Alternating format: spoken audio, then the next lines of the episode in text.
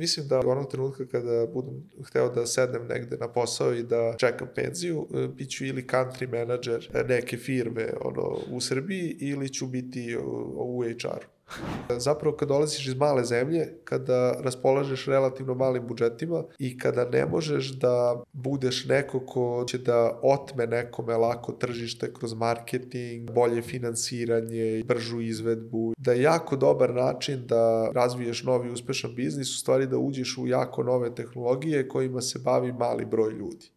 Ja sam uvijek doživljavao da je to kada moramo zapustimo još ljudi u firmi, u stvari dokaz naše nemoći da uradimo nešto s ovim ljudima koje imamo, pa sad kao moramo da imamo još. U drugom smislu, da li je za društvo dobro da dođe firma koja će zaposliti hiljadu ljudi, to da jeste, ali ja ono, kada god smo otvarali firme, gledao sam kako je to dobro za te firme i proizvode pa sad ti možeš da odlučiš da te firme na neki način vraćaju društvu. Postojala ideja u Devani da 10% svog profita firme treba da ide u napređenje društva na neki način.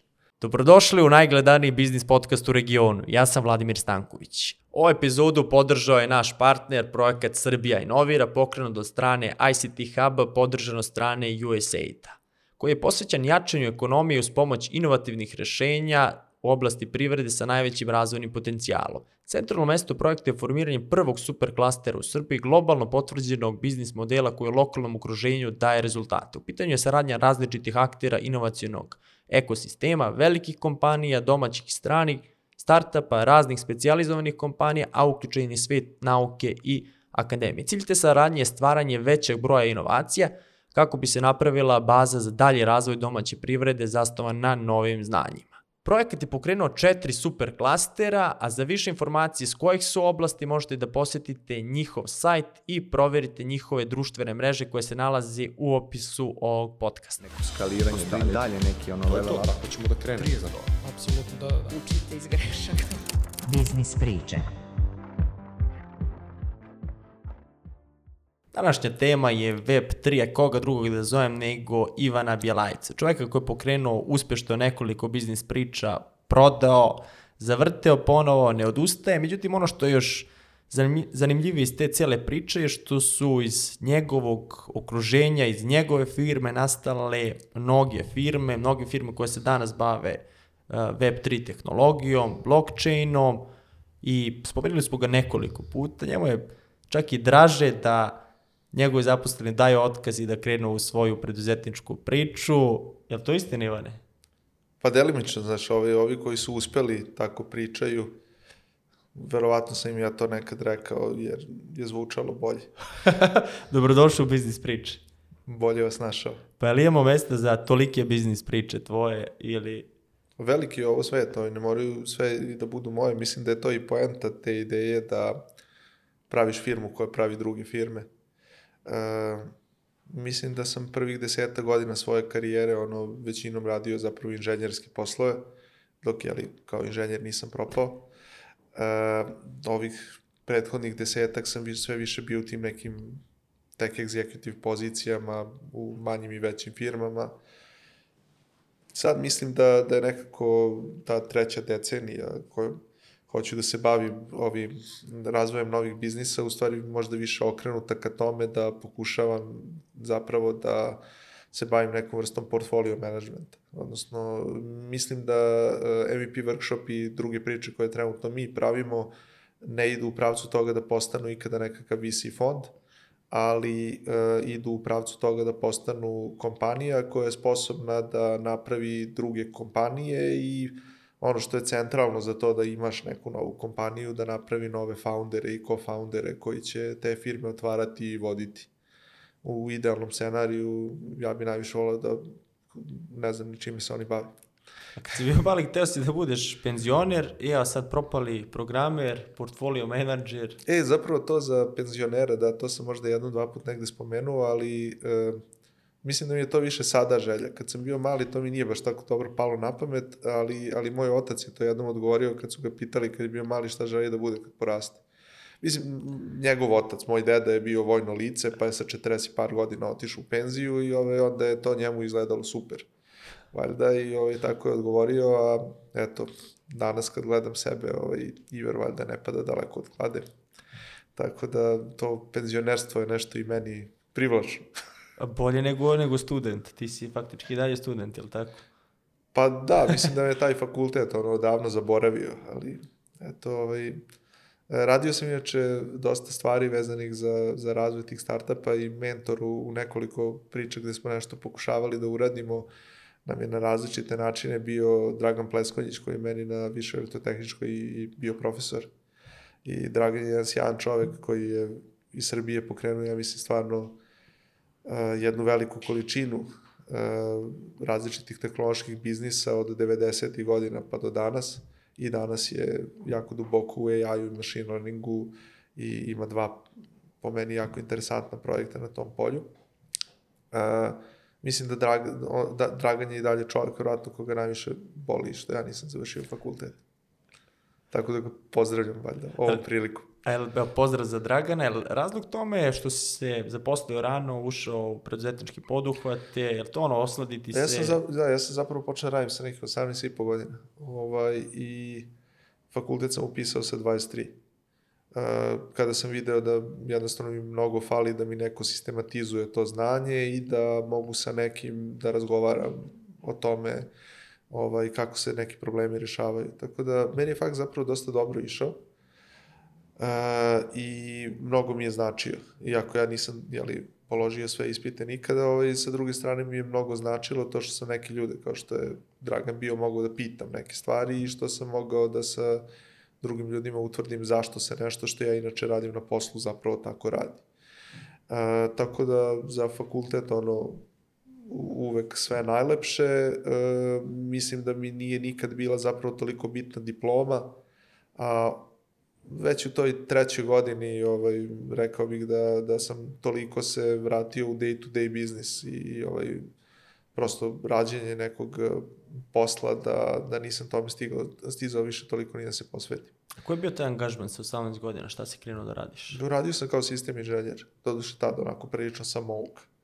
Ovaj, u tom smislu ovaj, prvi, prvo radno mesto je zapravo bilo u BS procesoru u Plato Plusu, ali uh, generalno gledano da, krenuo sam iz tih pozicija koje su bile sistem inženjerski.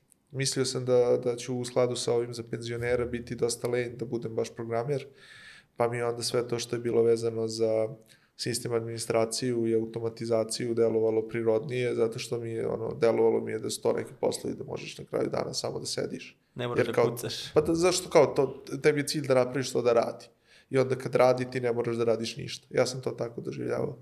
I, i onda iz tog ugla, iz tog ugla mislim da sam... Kad si vidio da, da nije to baš tako?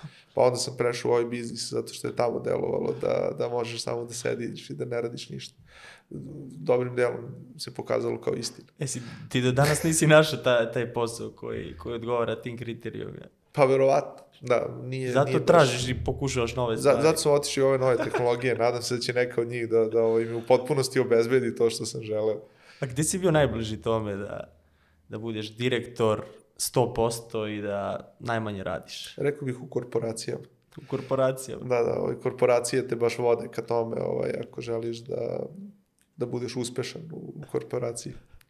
A koliko imaš to korporacijsko iskustvo? Gde si sve radio? Pa imao sam neka iskustva, ovaj, recimo, na primjer, kada smo de, Devanu, odnosno ManageWP prodali GoDaddy-u, Devana zapravo nikad nije prodata, nego ManageWP kao projekat, ali samim tim i svi ljudi ovaj, koji su radili na njemu, što su svi ljudi u Devani.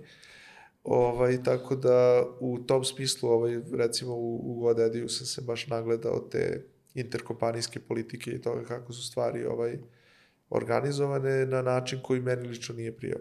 Mo, moj utisak tamo, možda je to sad malo specifično za to kada si deo prethodnog rukovodstva neke firme koja se prodaje ovaj, mislim da, da u, u dosta slučajeva dođeš u tu situaciju da u nekom trenutku krenu da te gledaju kao, kao legacy kod, znaš, ono, kao to niko sad ne bi obrisao, ali ovaj, možda radi nešto. Ali ako juriš penziju, to je idealna pozicija, je li tako? Da, da, da. da pa, ovaj. Ali si se predomislio, nema penzije? Ne, mislim, mislim da ovaj, onog trenutka kada budem hteo da sednem negde na posao i da čekam penziju, e, bit ću ili country manager neke firme ono, u Srbiji ili ću biti u, u HR-u.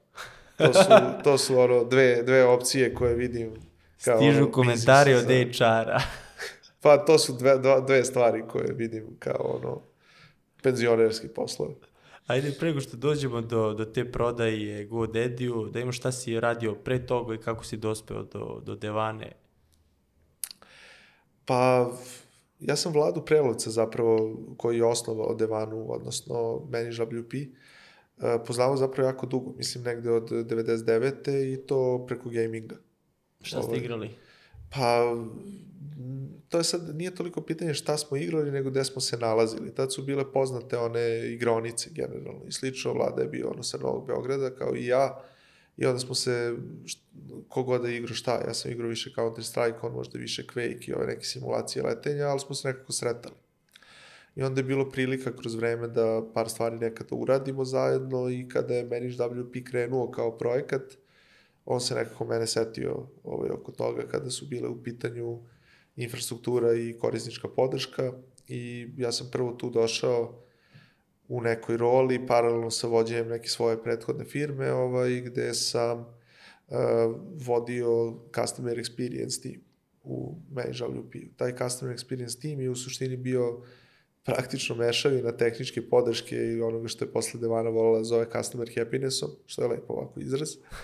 Uh, I mislim da je, da je stvarno bila, dosta je lepo postojala ta produkt kultura u Devani, naročito kad su customer care i customer ili happiness priče u, u pitanju i druga stvar je bila vezana za, vezana za činjenicu da, da je li, ja sam ranije do, dolazio iz tih nekih sistem inženjerskih ovaj, pravaca, pa sam nekako dobio da vodim i interne i eksterne resurse koji su tu bili iz onoga što danas obično zovemo DevOpsom. Eto, onda iz, iz toga uh, nekako ispalo da taj posao sam uradio, ja mislim, prilično dobro. Uh, I obzirom na to da sam imao prethodno neko biznis iskustvo. Jeli, A koje je to biznis iskustvo? Šta si imao? Uh, Pokrenuo si neke sam- svoje priče? Da, vodio sam jednu prethodnu svoju firmu koja se zvala Cybernet. Cybernet je imao neku svoju vrstu mini exita, imao je neki svoj proizvod i imao je uh, da kažem svoj hosting i, i uslužnu granu i rasparčan je, da kažem, prodat na neki način. Kako Kome se zove, prodao? se zatvorio. Pa To, to su bile različite firme. Ovo je jedna naša hosting firma je taj, kupila taj hosting segment koji je bio i najmanji. E, jedan investicioni fond je uzeo taj e, naš e, proizvod koji smo pravili. E, servisna grana se samo suštinski ugasila. S koliko godina si to prodao? To je 2011. ili 12, 12. Da, 2012. znači 29. Znači, sam 29 godina si napravio prvi exit. Da, pa mogli bismo tako da, da ga zovemo.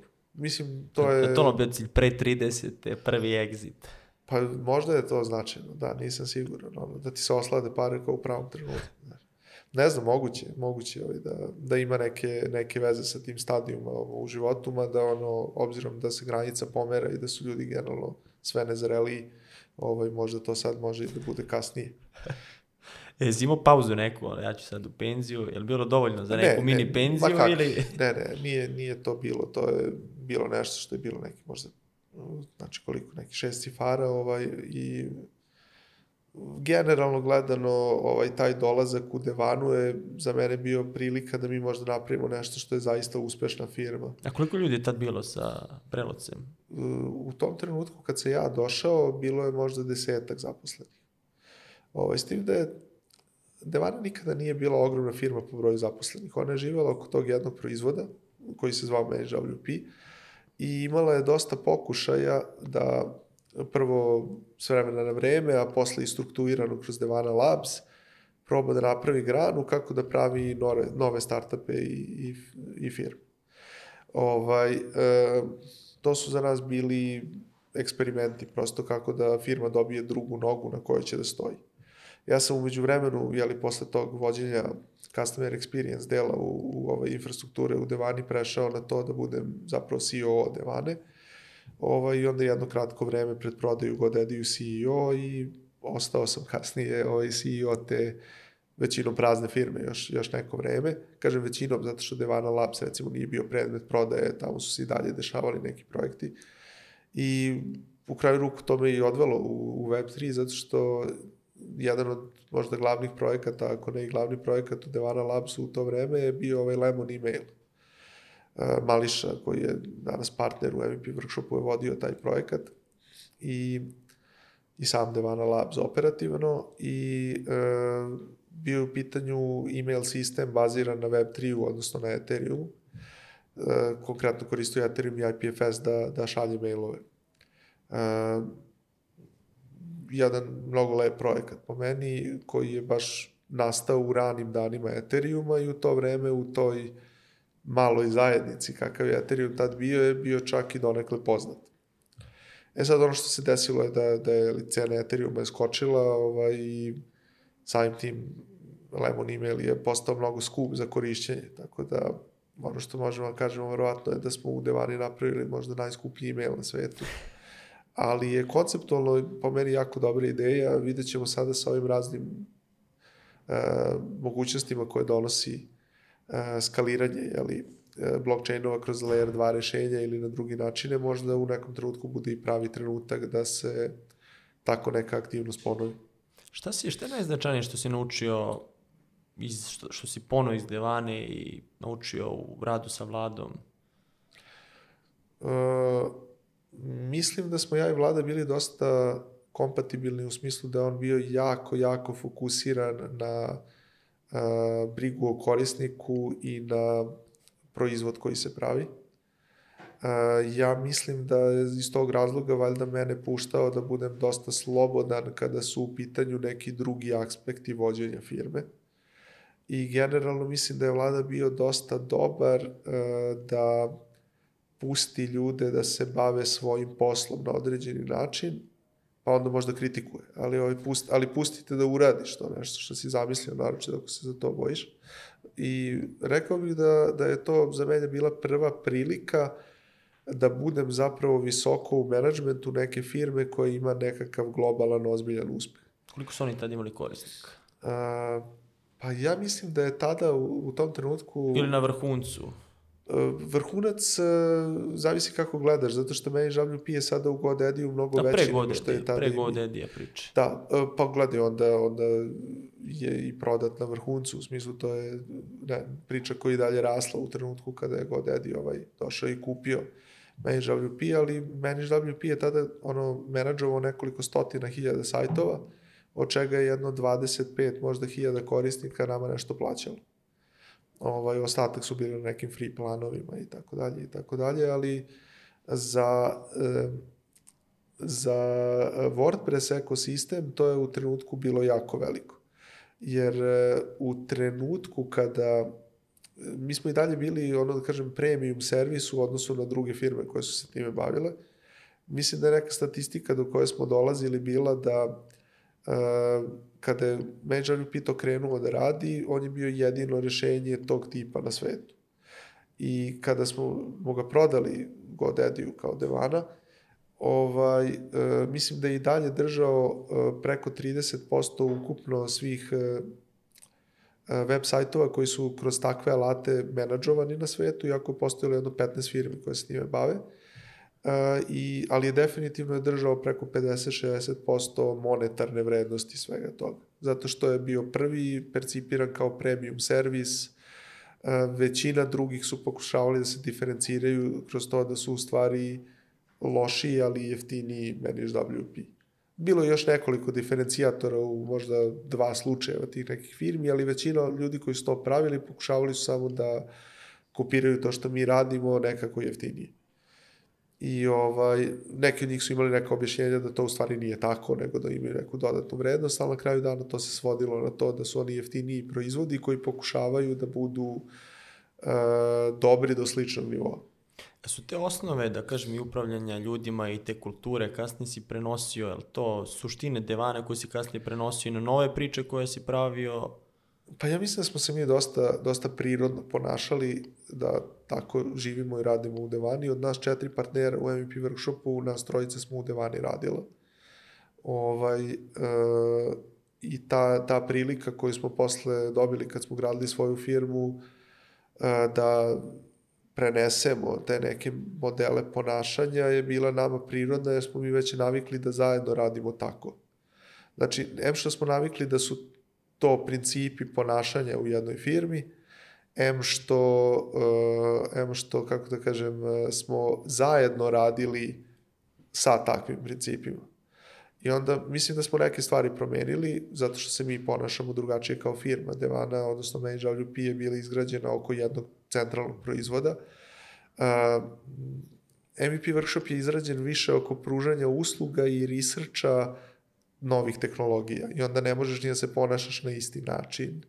Ne možeš da postavljaš platne razrede na isti način. Ima mnogo stvari koje ne možeš prosto radiš na isti način i, i jesu ljudi donekle drugačiji.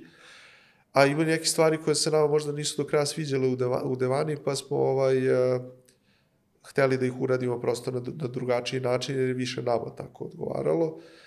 I onda smo ih uradili drugačije i sad uh, imamo donekle drugačiju firmu koja je zasnovana na dosta istih principa i ima neke svoje loše stvari koje je Devana imala dobre i obrnuto, znaš, ovaj, valjda svaki, svaki sistem je ono, novi za sebe, ali, ali da, rek, rekao bih da ja sam u Devani bio, mislim, preko pet godina i to je sigurno uticalo dosta na to kakav, kakav smo mi, ono, stil vođenja nekakve tehnološke firme razvili.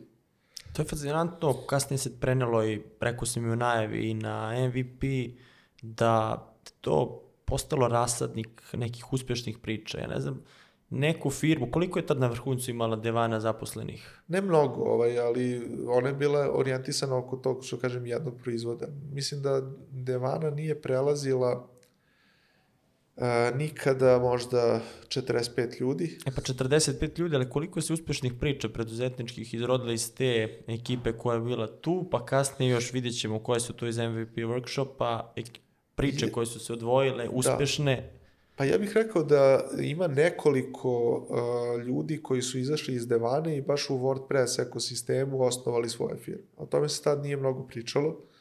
Meni uvek bilo drago kad ljudi odlaze zbog toga.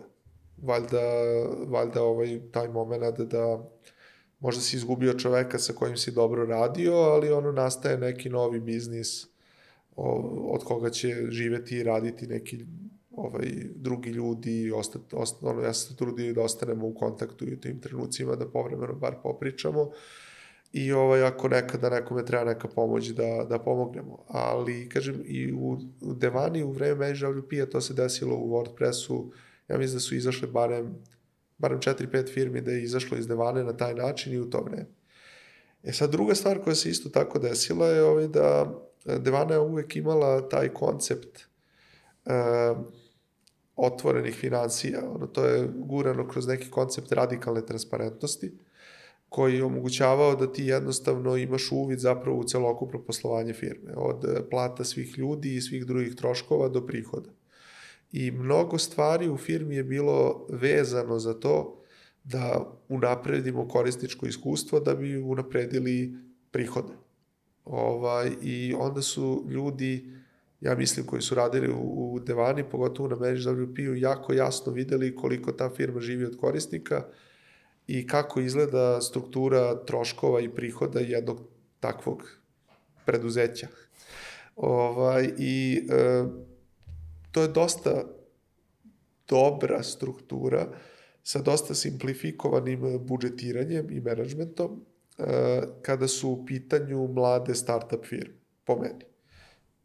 I ovaj, e, mislim da, da iz tog razloga dosta ljudi se možda i odvažilo da to proba, jer su se osjećali da imaju svijest bar kako to funkcioniše. Evo, ekipa iz Tenderly isto pričala o tome da su tu videli, to jest u MVP-u su videli tu transparentnost pa videli, i da su primenili. Ja mislim da su zapravo videli u Devani, pa o, ta ekipa iz Tenderly, oni su radili kod nas u Devani, pa su radili kod nas, da kažem, u Godediju.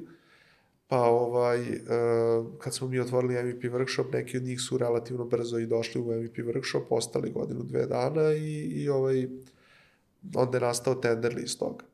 Uh, dosta ljudi kaže, znaš kao u Web3 je možda dosta priča direktno ili indirektno nastalo iz MVP workshopa. Ja, ja mislim da je to Loš, u stvari, pa, pa da, e, ali, ali ne na loš način. U smislu, uh, rekao bih da je iz Lemon emaila kao projekta u, u Devana Labsu na neki način nastao i MVP workshop i dosta nekih firmi drugih, kako se zove, koje su, mislim ne dosta, nekoliko firmi je nastalo iz tog projekta u Devana Labsu i iz firme Game Credits, koja je isto u jednom trenutku u 2017. bila jako velika u Beogradu i po broju ljudi i po obimu posla koje je radila. Tako da, verovatno, Game Credits i Lemon Email, iako na kraju nisu bili uspešni projekti, su stvorili e, možda 90% ljudi u ovaj Web3 zajednice u, u smislu razvoja Web3, odnosno blockchain proizvoda u Srbiji u tom trenutku. Što ne znači da nije bilo ljudi ovaj koji su se blockchainom bavili i pre nas. Znaš, ovaj, mislim da u tih 10% ima nekih uh, fantastičnih ljudi koji su tu bili i dosta pre svega ovoga ali taj trenutak 2017. godine kada su uh, lansirani uh, Lemon email zvanično prema korisnicima i kada je Game Credits imao svoj ICO, su verovatno bili ovaj, jako bitni za, za to da ta zajednica postane široka. Bez toga možda bismo ostali na, na malom broju jako kvalitetnih i stručnih ljudi i ovako je to postalo neka industrija koja je dosta šira u, u Srbiji u ovom trenutku, ali naravno da i kvalitet varira. Ovaj, tako da... Se, se vratimo na ono priču o prodaji Devane Godediju. Kako je došlo do te prodaje, jer ste razmatrali pre toga da prodajete, oni su vam bili klijent, pa nekako prirodno došlo? Pa nisu bili zapravo klijent, mi smo partner ili jeste da, sarađivali? Da, pa mi smo zapravo, ja mislim, želeli da sarađujemo. Ovaj, ta situacija je bila malo specifična. Uh, ManageWP je, kao što rekao, bio prva firma koja je radila to što je ManageWP radio, odnosno prvi alat za menadžovanje velikog broja WordPress sajtova istovremeno, kroz neki dashboard.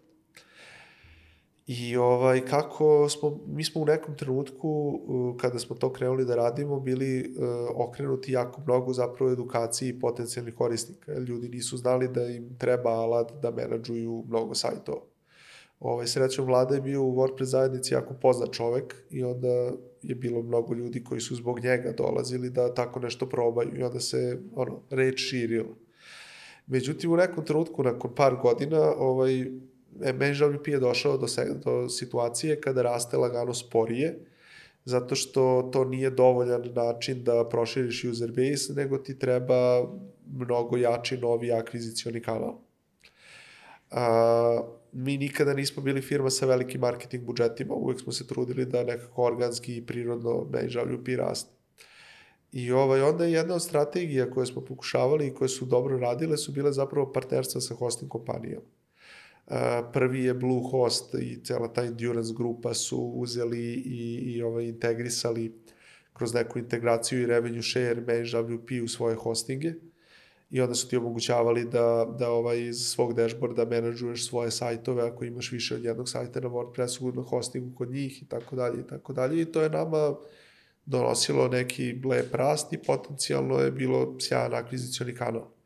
I mi smo zapravo sa razgovora u, sa Gode, u razgovor sa GoDaddyjem krenuli iz tog ugla. Naša ideja je bila da GoDaddy postane jedan od hosting partnera kako se zove ManageWP-a kao jedan od najvećih e, hosting provajdera na svetu i najveći domen registra na svetu, jer je za nas to bio kanal za dobijanje novih korisnika. I ovaj, bilo je tih nekoliko razgovora, ovaj, na kraju smo vlada i ja otišli u San Francisco u taj GoDaddy produkt headquarter. Mislim, GoDaddy inače u Arizoni, ali u San Francisco i Sunnyvale-u su produkt kancelarije. I ovaj, dosta brzo smo shvatili da je taj sastanak ovaj, ide u nekom drugom pravcu. Mi smo s njima imali dva dana nekih razgovora koji su bili po 7-8 sati dnevno. Ovaj, bilo je desetak ljudi koji su bili nekim direktor, VP, C level nivoima u, u GoDaddy-u. I ovaj, to je za njih isto ono, mi smo mislili da je za nas skupo, što smo morali da dođemo do San Francisco, ovaj, mislim da objektivno za njih bilo i skuplje, zato što, em što mnogi od tih ljudi inače ne sede u San Francisco, em što količina jeli, ovaj, e, ljudi koji su, kako se zove, deo jedne ono Fortune 500 kompanije da sedi tako na, na, na sastancima sa jednim malim startupom je malo iznenađujuća, da kažem. I utrošak tog vremena i resursa nije mali. I ovaj, onda to se završilo tako što uh, oni su nama rekli, tačnije David Popovic koji je bio ovaj, do skoro uh, u GoDaddy-u kao zadužen za merger i akvizicije, ovaj, on suštinski rekao kao, momci, ovo deluje super, mi vidimo, evo, očigledno tim vidi ovo kao deo core offeringa GoDaddy-a, kao ovo može da bude core, daddy, core, eh, core, biz- Ponude. deo core biznisa ovaj, u GoDaddy-u i ovaj, mi bismo da ovo radimo zajedno, ali ajde da se ne šalimo, nije logično da, da ovaj, mi budemo partneri, ovaj, prosto jedino logično je da mi kao firmu kupimo.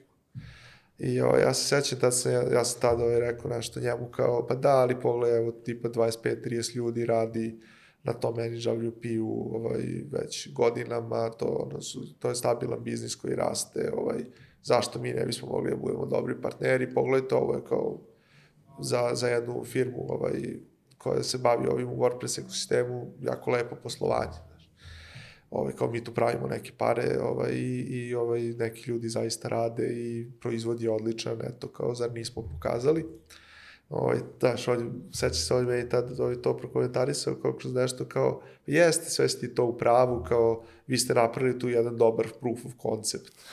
Znaš, ovako, znaš, to je moj život, on mi ovaj govori da je to proof of concept, jeli, ovaj, baš u tom trenutku sam se ovako, nisam mu to nikad baš do kraja oprostio, znaš, onako, baš je bio ovako, iskreno je to i nošalantno rekao, ono, znaš, u smislu kao dečko, kad si već krenuo po burek, meni ćeš sa sirom, i ovaj, u, u, u, u tom pravcu je, jeli, na kraju razgovor otišao, da su oni samo za akviziciju zainteresovani, Koliko je daješ za proof of concept?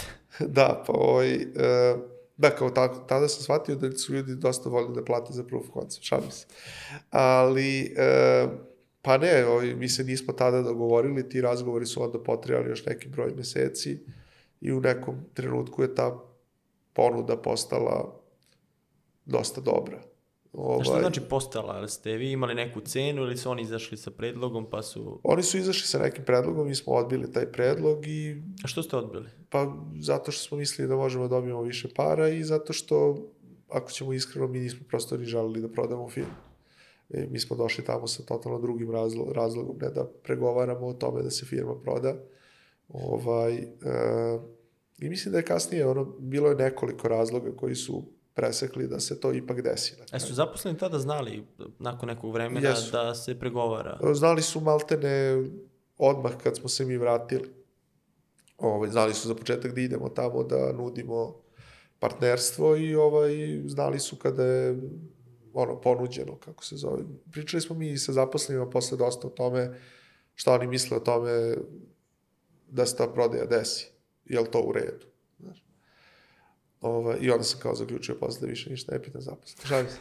Ali, šalim se, ovaj, e, ne, bio je dobar to razgovor, bilo je razloga za i protiv i tako dalje. Na kraju je odlučeno da se to dogodi zato što Koliko se promenila ta inicijalna ponuda? e, solidno. Šta znači soli? solidno. 50%, 20%, 10%? Pa, Malo, malo, odnosu na prvu tu više, ponudu koju ste dobili. Pa malo više nego duplo. Ovaj, ali bilo je tu raznih stvari i ono, i, i ovaj, Je li bio uslov da oni dođu, da GoDaddy dođu u Srbiju, da bude ovde kancelarija ili... Pa pazi, to je bilo povezano u smislu što oni su svakako želeli da kupe tim, proizvod i na trećem mestu možda korisnike. Ali kad kažem, njih znači zanimao e, proizvod kao nešto što bi oni morali verovatno da razvijaju godinu, dve dana da bi došli do toga gde smo mi tu tada, u tom trenutku i možda ne bi uspeli da ga naprave kako žele. Druga stvar je bio tim koji to očigledno ume da radi i taj proizvod i tim su imali jako dobar brand u, u WordPress zajednici i na trećem mestu su za njih bili zapravo korisnici. Uh, u tom smislu mislim da je GoDaddy ovaj, ušao u tu kupovinu iz pozicije toga šta može da ostvari tom kupovinom. Mi sa druge strane smo isto još ušli iz pozicije toga šta možemo da ostvarimo tom kupovinom, ne samo financijski, nego uh, u tom trenutku vlada je imao 40 godina, znači manje više koliko ja imam sada. Ovaj, ja sam imao 33-4 godine i mi smo bili među najstarijim ljudima u firmi. I sad e, u toj situaciji e, nismo mi mogli baš tako lako i mnogo da, da učimo od nekoga u tom trenutku u Srbiji lako, jer su 2016. znaš, srpski startupi su i dalje bili možda manje razvijeni nego što su danas. I dosta tog našeg učenja o biznisu se svodilo na knjige.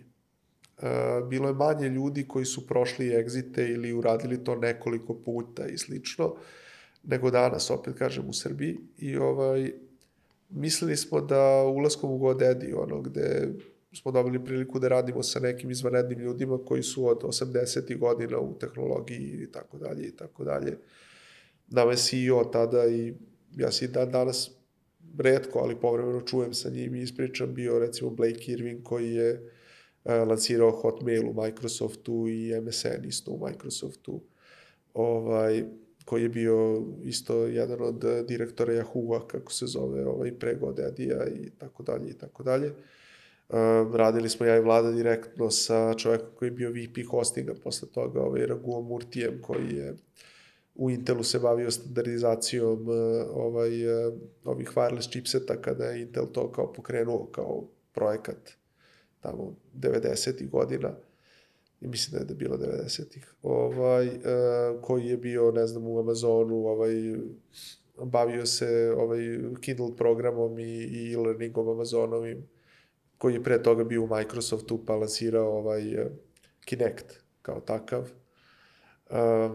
To su ljudi koji su ono imali za sebe neke product launcheve i, i ovaj vođenja nekih firmi kakve mi nismo u tom trenutku mogli da zamislimo i smatrali smo da možemo da od njih učimo jako, jako mnogo. I to je i bila istina, sa, pogotovo u početku. U nekom trenutku to postane sve biznis. A šta je, bio, šta je bio uslov da vi ostanete koliko ti vlada? E, dve godine. Dve godine, znači morate da, da ostanete u GoDaddy. Da, da, to je bio jedan od uslova ovaj, prodaje. Uh, to ono West in Peace ili... pa znaš kako, uh, ja sam u početku bio stvarno ubeđen da gomila nekih stvari koje se dešavaju u GoDaddy-u i razvoja novih proizvoda može da se kroz taj projekat prebaci u Beograd. Pritom, mi smo bili prva njihova akvizicija van Amerike i prva njihova kancelarija van Amerike. Znači, GoDaddy, iz tog razloga se GoDaddy u Beogradu i zvao iz ove, ove GoDaddy Europe. I kasnije, možda posle nepunih godinu dana, oni su kupili ovu Host Europe grupu za 2,3 milijarde dolara i ti si odjednom imao 40 kancelarija u okviru GoDaddy-a u Evropi, ali e, je krenulo nekako od Beograda i Srbije, zato što oni pre toga samo taj exposure e, internacionalni u smislu van, van US-a prosto nisu imali. I sad ja kao neki taj operativni direktor u GoDaddy Europu, mislim da sam bio ubeđen da ja jako mnogo toga što se dešava u GoDaddy-u mogu da samo prosto prebacim u Srbiju i prvih godinu dana sam uh, ono, bio jako naložen oko toga. Uh, onda kako je vreme prolazilo... A koja je bila tvoja pozicija tada? Operating director of GoDaddy Europe. To je jeli, zvaničan bio naziv. Uh, Vlada je bio produkt direktor, Vlada se nevezano možda 3-4 meseca pre nego što se taj dogovor desio, preselio u Ameriku svakako, pa je ovaj tamo i nastavio da radi. U GoDaddy-u ja sam se bavio ovim što je bilo ovde. E sad, zašto, zašto to pričam? Ja sam prvi godinu dana bio ubeđen e, da to mo može da se dogodi, što sam rekao. Onda sam shvatio da tu postoje dve prepreke. Jedna prepreka je što uh, ja ono, sam u drugoj vremenskoj zoni i u drugom delu sveta u odnosu na njih, da se oni prosto viđaju, ja sam dosta puta u Ameriku, ali oni se prosto viđaju češće nego što se ja viđem sa njima, dese se neki dogovori kojih ja nisam svestan. A druga stvar koja je možda bila i bitnija je da je GoDaddy suštinski, uh, uh, kako da kažem, sales driven organizacija koja cateruje small biznisima. I uh, Šta znači to za ljude koji ne razumeju? Za ljude koji to ne razumeju, to znači da GoDaddy suštinski živi od toga što kupuje manje biznise od sebe i onda radi upsellove i cross-sellove uh, svoje postojeće bazi korisnika. Znači, u GoDaddy-u se ne, ne dešavaju često uh, krucijalne inovacije u razvoju novog proizvoda. Ono što se obično desi u GoDaddy-u je zapravo konsolidacija nekog tržišta, i ulazak, kako se zove, u novo tržište kroz možda kupovinu drugih igrača ili slično. U kraju ruku oni su tako odlučili da uđu i u WordPress kroz kupovinu ovaj, Manage WP-a.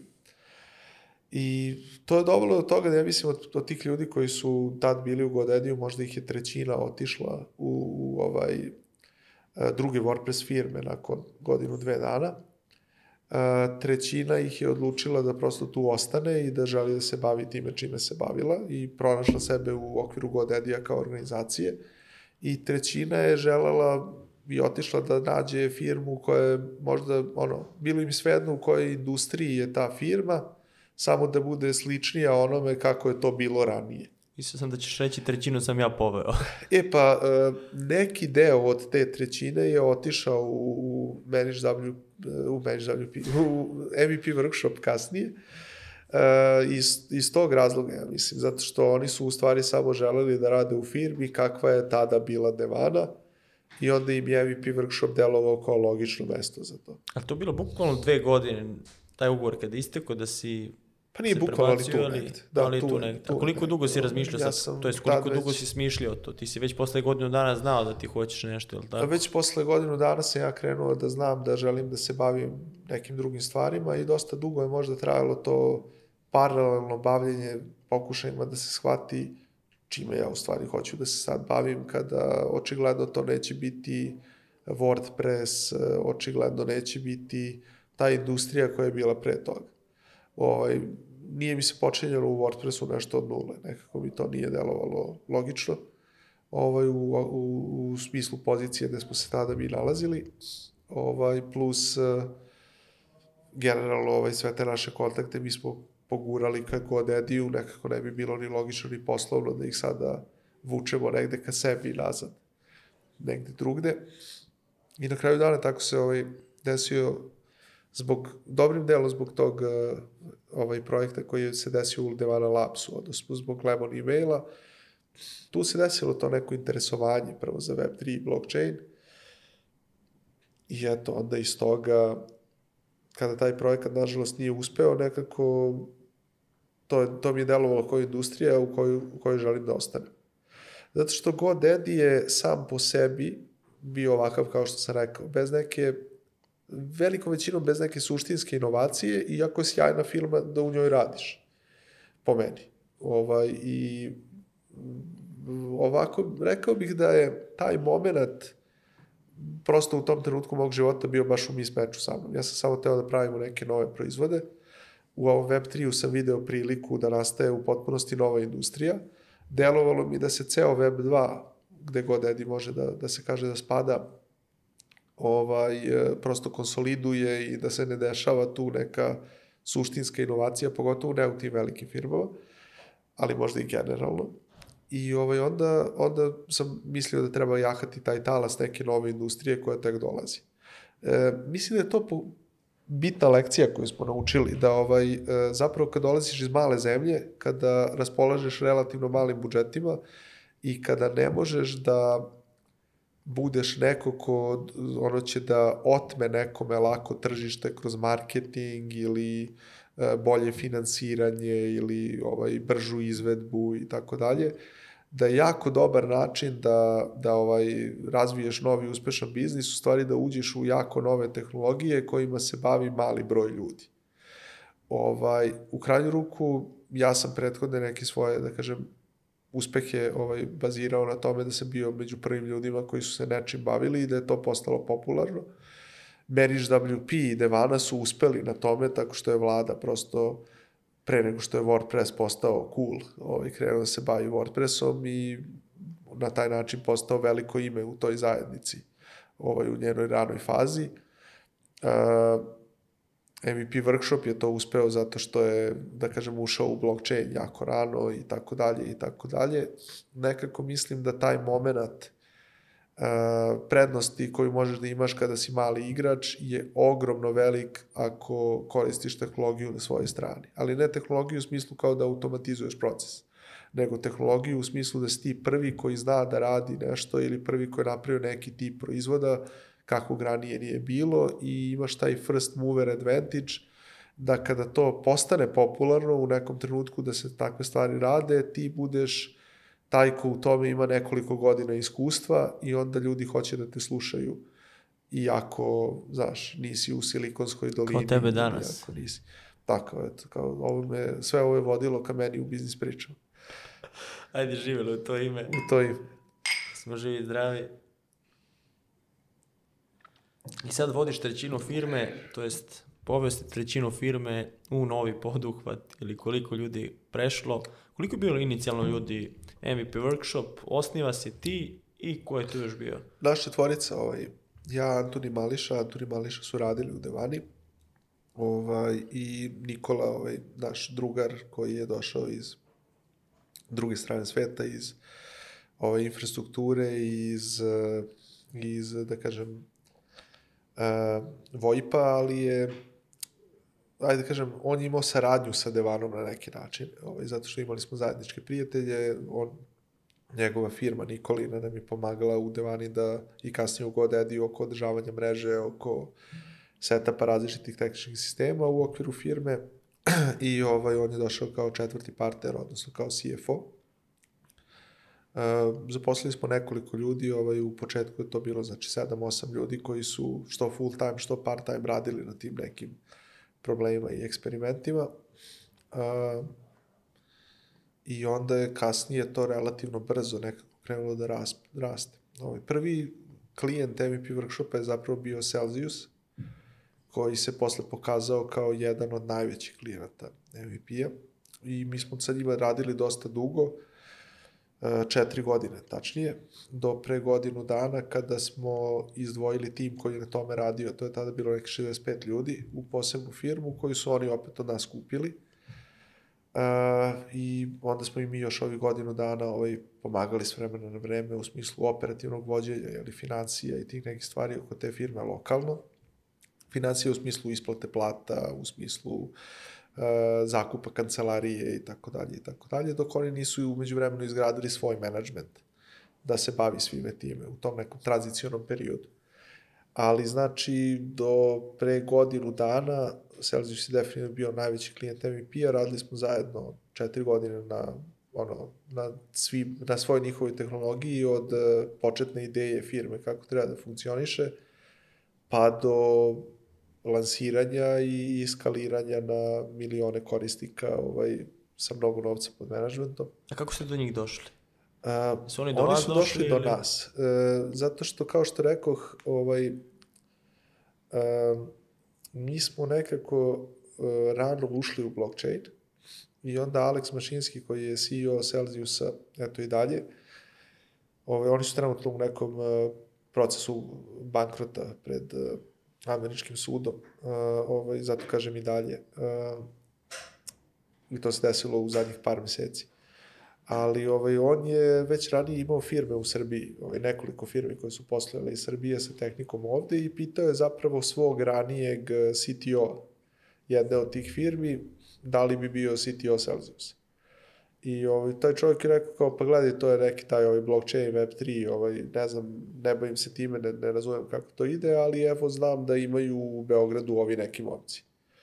I ovaj, onda nas je tako povezao i eto, mi smo uradili u tim proof of conceptima na početku ovaj, neki verovatno dobar posao, pa su se oni odlučili za dalju saradnju. A šta, ono, šta je to bilo što ste vi radili njima, što ste tad ponudili proof of concept? Šta je bila inicijalna ta ideja? Na početku, da, na početku smo im služili kao tehnički konsultant uh, u smislu da definišemo kako proizvod sa tehnološke strane zapravo može da radi.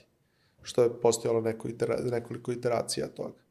Zatim smo pravili proof of koncepte tih načina da bi se to znači, razvijali ste. probalo. Jeste, razvoj i ovaj zatim kada su oni imali svoj ICO, naša naša uloga tu je bila tehnička u smislu da a, se prikupi taj novac u tehničkom smislu, da se definiše jasno u smislu uplata i ovi koji su išli na bankovni račun i ove koji su išli u kriptovalutama i slično, šta kome tu pripada. Uh, i da se kasnije Celsiusovi tokeni sa ICO-a u skladu sa time podele tim ljudima, a da tu ne pogrešimo i da se ovaj to ne izgubi.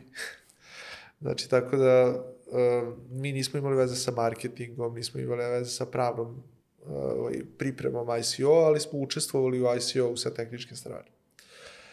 Kada se desio ICO, onda je Celsius to doživeo kao ovaj, uh, prihvatanje da postoji budućnost za jedan takav proizvod, da postoji kritična masa koja tako nešto želi i u to veruje.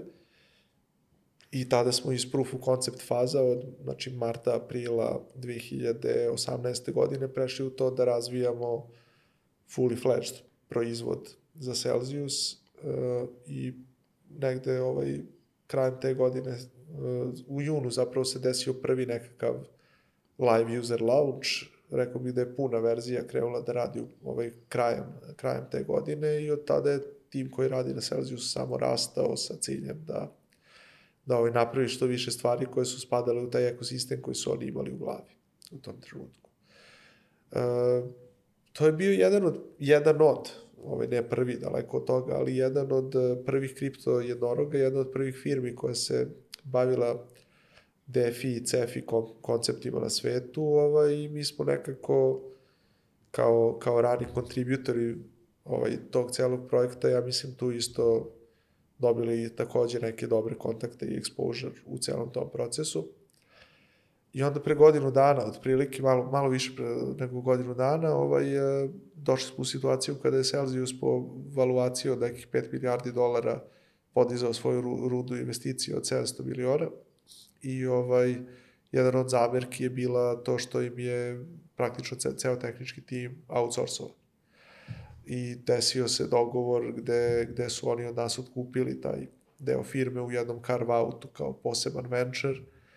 Uh, vođeni tim prethodnim iskustvima ovaj odlazaka iz drugih firmi i slično, mi smo se dogovorili da im pomognemo u tom periodu tranzicije, ali da ono ne želimo da prodamo MVP workshop kao core business nego smo uradili carve out uh, tog tima u posebnu firmu, taj firm je dobio, ta, ta firma, odnosno taj tim je dobio svoje rukovodstvo i krenuo je da se ponaša uh, jako samostalno. I kako si izbjegao da budeš direktor?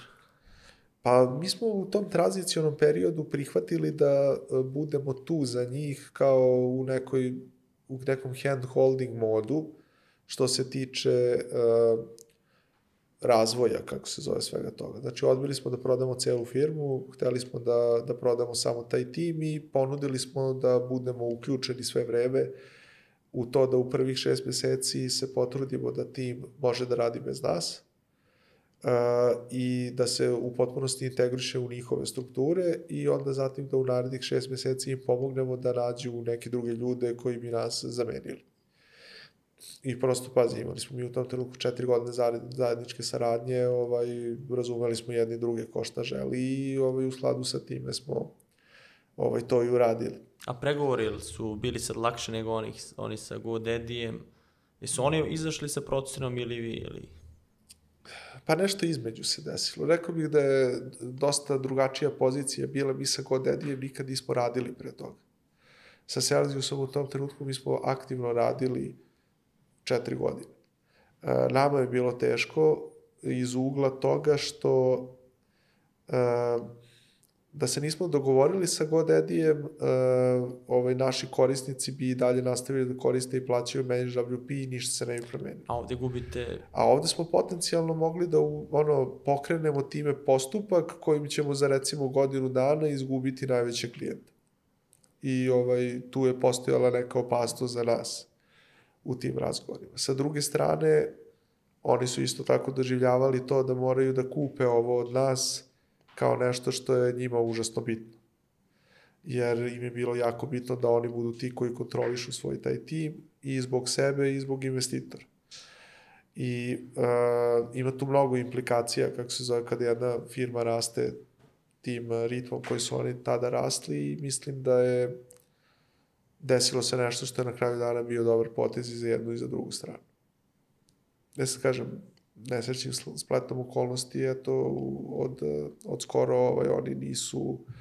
Šta se tu dogodilo? Šta se tu... Prvo da vidimo šta radi Celsius, da bismo mogli da čisto objasnimo Cel, situaciju. Da, Celsius je u suštini neka vrsta um, digitalne banke za kriptovalute. Ovo je zamišljenje, znači kao mobilna banka za kriptovalute, gde vi možete da držite svoje kriptovalute, uh, da na njima zarađujete nekakav interest rate, odnosno nekakvu kamatu zato što ih držite, odnosno da možete da pozajmite od banke ovaj neki a, novac u zamenu za za to da položite kolateral. E sad, u klasičnoj banci ti obično položiš kao kolateral, recimo, nekretninu kroz neku hipoteku. Ovde na hipoteku u suštini stavljaš svoju kriptovalutu, dosta liči na cash, ono, na cash kredite sa cash kolateralom. Kao daću ti, uh, ako zaključaš 100.000 evra, ja ću ti dati 25-30.000 evra. Sad, Celsius je teoretski bio jako konzervativan biznis u tom smislu, zato što je bio, kao što rekao, over kolateralizovan. Znači, ideja je bila da ne možeš da pozajmiš pare bez da si u, u kriptovaluti Stavi ovaj, učešće. I to učešće koje je mnogo vrednije od novca koji pozajmljuješ. I ovaj, e, ra- razlog zašto su ljudi radili je zašto su bili, bile male kamate na, na te kredite, a bili su u mogućnosti da onda ne prodaju svoju kriptovalutu, a veruju da će ona rasti. I ovaj, ono što se desilo objektivno u Celsiusu u celoj toj situaciji, desilo se da su rasti dosta uspešno i dosta brzo. U nekom trenutku su povukli još novca i sredstava od investitora, kao što rekoh, pre godinu i nešto dana, da bi rasli još brže i da bi ustoličili tu svoju poziciju kao, kao market lidera ili jednog od market lidera ovaj, u tom svetu i ono što se dogodilo je u suštini da kada su očigledno podigli taj novac, nisu više bili do kraja sigurni kako će to da urade, odnosno postalo je teže alocirati toliko veliki kapital. Oni su u tom trenutku raspolagali sa milijardama dolara, jeli, korisnika iz eh, celog sveta, što institucija, što pojedinačnih privatnih korisnika i očigledno u nekom trenutku su počeli da se, da se ponašaju dosta agresivnije i da rizičnije ulažu ovaj, ta, taj novac nego što, nego što je to inicijalno bilo planirano. I to je dovelo do nekoliko grešaka koje su onda dovele do nekih minusa. Ti minusi su zahtevali još agresivnije strategije za ulaganje i eto, ovaj, došli smo u situaciju gde smo danas. Da, vi ste na vreme prodali firmu. Kad Pa, gledaš kao- iz ovog ugla, Teško je to reći. Ovaj, jesmo, jesmo. Uh,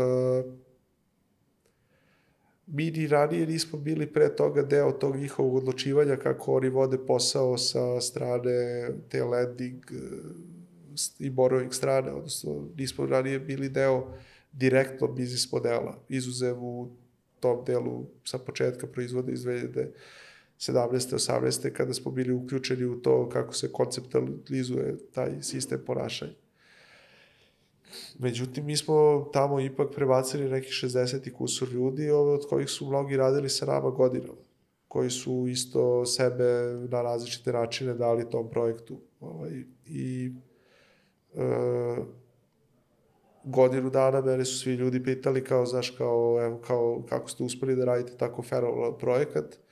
Znaš, sada me ljudi pitaju, ovaj, kad se priča o Celsiusu, ovo što me ti pitaš sada, kao šta je pošlo naopako kao jeste vi tu nešto znali, jeste vi tu nešto mogli. Znaš, e, jako velika količina ljudi je mene ono, pitala, hajde da me upoznaš sa Aleksom Mašinskim pre šest meseci, a sada su svi kao, ovaj, sad ga se svi ono, odriču ovaj, preko novina, ako je moguće. Tako da teška je to priča. Ovaj, to je u Americi trenutno uh, chapter 11, odnosno ono što oni zovu zaštita od bankrota. Znači, firma se nalazi u formalno pravno u nekom stanju koje liči na bankrot, ali je fokusirano na to da imaju neki, neki oblik, da kažem, onoga što bi kod nas bio stečajni upravnik, koji im sad omogućava na šta mogu da troše pare, na šta ne, ovaj, i slično, oni izlaze sa nekim planovima kako da zarade ovaj taj novac eh, korisnicima. E, I to je sad teška priča, znaš, ovaj, pogotovo zato što se očigledno vidi da neke stvari u tom biznis modelu kakav je osmišljen e, se nisu tako ni radile, nego su iz razloga tih e, ulaganja sa većim rizikom prosto mnogi principi i protokoli bili, ono, da kažem, preskakani da bi se pare plasirale ovaj, na potencijalno unosiji način. Ovaj, Ja ne znam šta o tome da mislim ovako, e, to je sve istina i ovaj, ima mnogo ljudi koji su sad trenutno izgubili pare i koji gledaju da li će dobiti sav svoj novac ili deo svog novca nazad, iako je deo koliki će biti deo.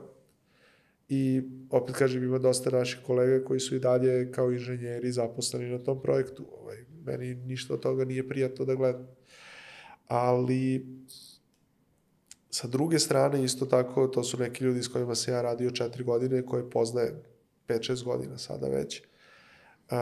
Mislim i na te ljudi koji su Celsius vodili i isto tako sam svestan da, da su oni uspeli u tome što su hteli da urade ovaj, bilo biznis modelom za koji smo se svi sign-upovali ili ovaj, tim svojim kockanjem da bi danas svi o njima pričali kao da su geniji biznisa.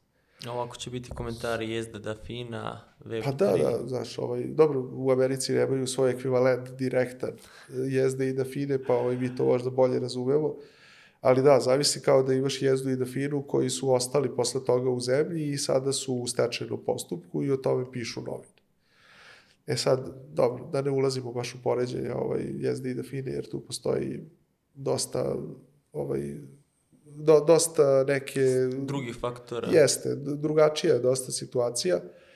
Ovde u pitanju, ako mene niko pita, ovaj, firma koja je napravila unikorna, ovaj, uspela je da, da napravi ogroman rast, prihvatila je ovaj novac da skalira ovaj, taj svoj biznis i odlučila je da rizikuje jako mnogo na način koji je potencijalno i nelegalan, da bi zadovoljila te korisnike, investitore i sve koji su se tu nalazili. I ovaj, sada mi o njima pričamo iz ugla da su oni uradili nešto što je, kao što rekao, potencijalno nelegalno, to će sudovi odlučiti, da su definitivno uradili loše poslovne poteze, Uh, i pričamo o njima iz ugla toga da su oni te opklade koje su bile rizične u svemu tome prosto izgubili.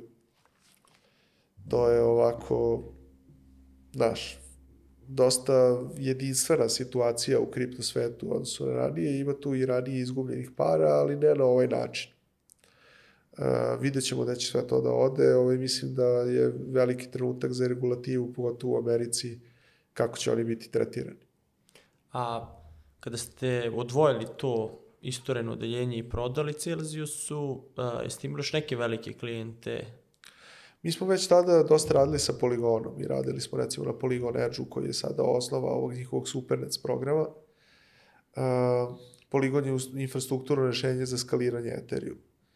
I ovaj, iz tog ugla gledano, uh, da, jesmo, s tim da nije, za razliku od ovog Celsius tima, uh, koji je u trenutku našeg rastanka je li brojao nekih 65 ljudi, uh, ni jedan drugi tim u MVP workshopu nije imao preko 15.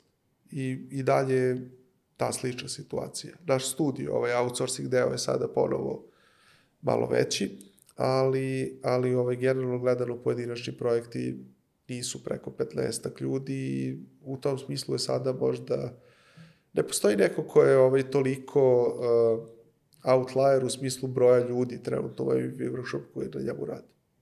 Poligon je takođe unicorn. Jeste. Ovaj, Poli, Poligon je jedan indijsko-srpski projekat praktično, ovaj, sa četiri co-foundera, jedan iz Srbije, trojice su indici. Uh, započeo je neke 2016. godine, mislim kako se zove, ovaj, imao je podršku Binance Labsa i nekoliko investicionih ovaj, projekata i uh, između, onda se desio, i tada se zvao Matic Network, onda se desio merge između tog lokalnog ovaj projekta Poligona koji je vodio Mihajlo Bijelić i ovaj uh, Matika uh, kako se zove koji je koji je bio je li faktički indijski je li proizvod i u tom braku ovaj Matik je odlučio da uzme uzme ženino prezime je li zato što Matik je suštinski kupio i usisao Poligon jer je bio uh, veći projekat u tom trenutku, ali odlučio se zove kao, kao to. Mi smo se Mihajlo već radili ovaj, na Poligonu i onda smo i mi nekako ušli u te dogovore i nastavili da radimo zajedno kao razvojna ruka za Polygon Edge, samim tim donekli za Polygon Supernets i u ovom našem R&D-u ovaj, radimo sa dosta, dosta sada firmi koje su ili poligonove čerke firme ili koje razvijaju nešto na poligonu, pa su onda ovaj, se prirodno obratile nama, jer radimo dosta i na njihovoj core tehnologiji. Zanima tvoje mišljenje, šta je po tvojoj definiciji uspešan startup? Da li onaj koji napravi najviše novca na osnivačima, ima najviše korisnika ili onaj koji napravi najviše radnih mesta? Sad razlikuje se odgovor, Ja ali bi- baš me zanima tvoje viđenje. Da, da, da. Ja bih rekao da je uspešan pra, e, ovaj startup onaj koji napravi profitabilan, samoodrživ, e, uspešan proizvod. Uspešan proizvod najviše gledam iz korisničkog ugla. A, mislim da broj radnih mesta nije bitan. Ovaj, ja sam to bar tako uvek doživljavao. Ovaj, to je više po meni stvar za korporaciju nego za startup. Uh, ja sam uvek doživljavao da, da je to kada moramo zapustimo još ljudi u firmi, u stvari dokaz naše nemoći da uradimo nešto s ovim ljudima koje imamo, pa sad kao moramo da imamo još. I ovaj, tako da nikada nisam pozitivno gledao to da moramo da zaposlimo još mnogo ljudi i to je samo značilo da ono, ovi ljudi koji imamo ne mogu da urade sav posao. Uh, da se razumemo, u MVP workshopu baš nije atmosfera da te neko ubije da radiš 12 sati dnevno ili slično, ovaj baš je dosta drugačije od toga, ali sa druge strane, uh, hoću da kažem, postoji taj moment gde uh, ja sam uvek nekako bio ubeđen da je to da za- zaposliš nekog čoveka da nešto radi, u stvari ono dokaz nemoći da to uradiš sam. I to je logično, zato što ti ako želiš da napraviš veliku firmu, naravno da si ti nemoćan da sve uradiš sva i da, sam i da ti treba mnogo ljudi. Ali nikada nisam voleo to kad ljudi kaže, kao pogledajte, oni su podigli 100 miliona dolara za ovo, jer to znači da oni to samo mogu da urade neefikasno i da potroše 100 miliona dolara i da i dalje ne bude uspešno. Ili, ili kad ljudi dođu i kažu oni su zaposlili hiljadu ljudi, jer meni je bilo isto tako u glavi, jel im zaista treba hiljadu ljudi, što se? Znaš kao, šta je sad kao tu ovaj... Socijalna pravda. Pa da, da nije, ovaj, sa strane toga da vodiš biznis, ono nije logično. Ovaj. To sad u drugom smislu, da li je za društvo dobro da dođe firma koja će zaposliti hiljadu ljudi, to možda jeste, ali ja ono, kada god smo otvarali firme, gledao sam kako je to dobro za te firme i proizvode. Pa sad ti možeš da odlučiš da te firme na neki način vraćaju društvu. To je Devana je imala tu mnogo dobar koncept koji je vlada ovaj, pokrenuo kroz jednu uh, jedan mali NGO koji se zvao Živojin Mišić, koji se bavio baš uh, podsticanjem preduzetništva. Uh, MVP Workshop je nastavio radi nešto slično, samo na druge načine, ali postojala ideja u Devani da 10% svog profita firme treba da ide u napređenje društva na neki način. I to je Devana radila zatim kroz taj NGO. Međutim, Devana se nije na nivou sebe kao firme i ekonomije bavila uh, unapređenjem društva. Znaš, Devana nije razmišljala o tome kao, ajde da zaposlimo 500 ljudi da bi, ne znam, znaš, kao ovaj, zadovoljili socijalne slučajeve. Ne, za to je postojao Živojin Mišić da doprinese društvu na neki način koji je skalabilan. Devana se trudila samo da isporuči najbolji mogući proizvod svojim korisnicima što efikasnije. I meni se to dopadalo uvek, znači da, da, odvo, da odvojiš sve, jednostavno te stvari. Takođe isto kad uzmeš da deliš 10% profita nečega konstantno, to je lep princip zato što može da postane mnogo, ali ako nemaš profit ti samo ne deliš ništa. I ovaj, u tom smislu gledano, uh, u tom smislu gledano to bi se uvek dopadalo, zato što u dobrim danima to je način da doprineseš, ali nije sistem gde si zarobio sebe da moraš da, da finansiraš ovaj, drugu inicijativu koja nema veze sa tvojim poslovanjem u trenutku kada možda nemaš novca. Vi ste kroz MVP pokrenuli jednu zanimljivu inicijativu u kojoj sam ja bio član, a to je Startup centar. Šta je bio cilj sa tim Startup centrom? Odatle izašlo, čini se, tri generacije ili četiri? No, mislim da je bilo četiri. Uh, ovaj, da, mi smo probali da, da spustimo taj koncept preduzetništva ovaj, na ekonomski fakultet na neki način u skladu sa Draganom Lončarom tamo i sa ekipom oko njega. Dragan je prepoznao to kao neku potencijalno dobru ideju da, da jednostavno napravi se u okviru tog njihovog centra na ekonomskom fakultetu za saradnju sa privredom neki takav sistem. Mi smo s druge strane hteli da na sličan način kao ovo što sam rekao da je Devana radila ovaj, plasiramo neka sredstva da pomognemo da taj sistem napravi fizički opremi i da tu krenu da se dešavaju neka predavanja i onda smo angažovali ljude iz firme i van firme kao predavače i mentore ovaj, u startup centru. E, mislim da je on manje više zamro sa koronom u jednom trenutku. E, vidjet ćemo sada, eto, MVP Workshop pokušava neke druge stvari, ovaj, Startup Center kao takav u nekom svom obliku živi i dalje neko na svom fakultetu.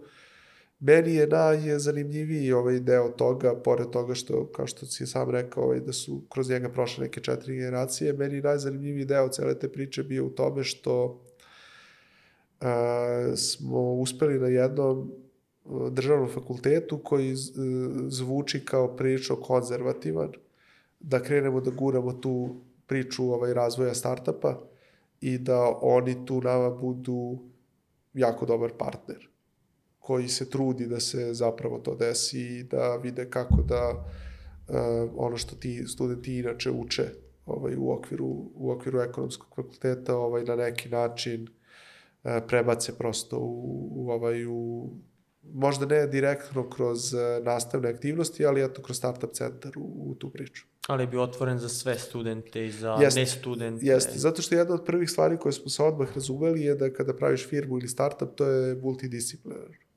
I sad ono, imati gomilu ekonomista ovaj, koji se dogovaraju kako se recimo pravi IT firma, prosto nema smisla. Tako da, mislim da je i to bila, bio veliki korak recimo za ekonomski fakultet da prihvati da će studenti drugih fakulteta prosto samo dolaziti tu da, da ovaj, rade i uče i pokušavaju na neki način da izgrade potencijalno. Što je bila odlična odluka. A sad zanima me tema Web3. Ušli ste, zajehali talas, ajmo vidimo šta to donosi. Danas se dosta priča, čak se i biznisi koji nemaju realnu osnovu da budu Web3 biznisi, gledaju kako da budu, čisto da dodaju da smo mi Web3 biznis. Pa ajmo vidimo koje su to realne situacije za Web3 biznise, koje su to, ajde da krenemo možda od razlike između Web2 Web3. pa Web3 je došao sa tom nekom idejom kada su ljudi krenuli da prave distinkcije u fazama razvoja interneta,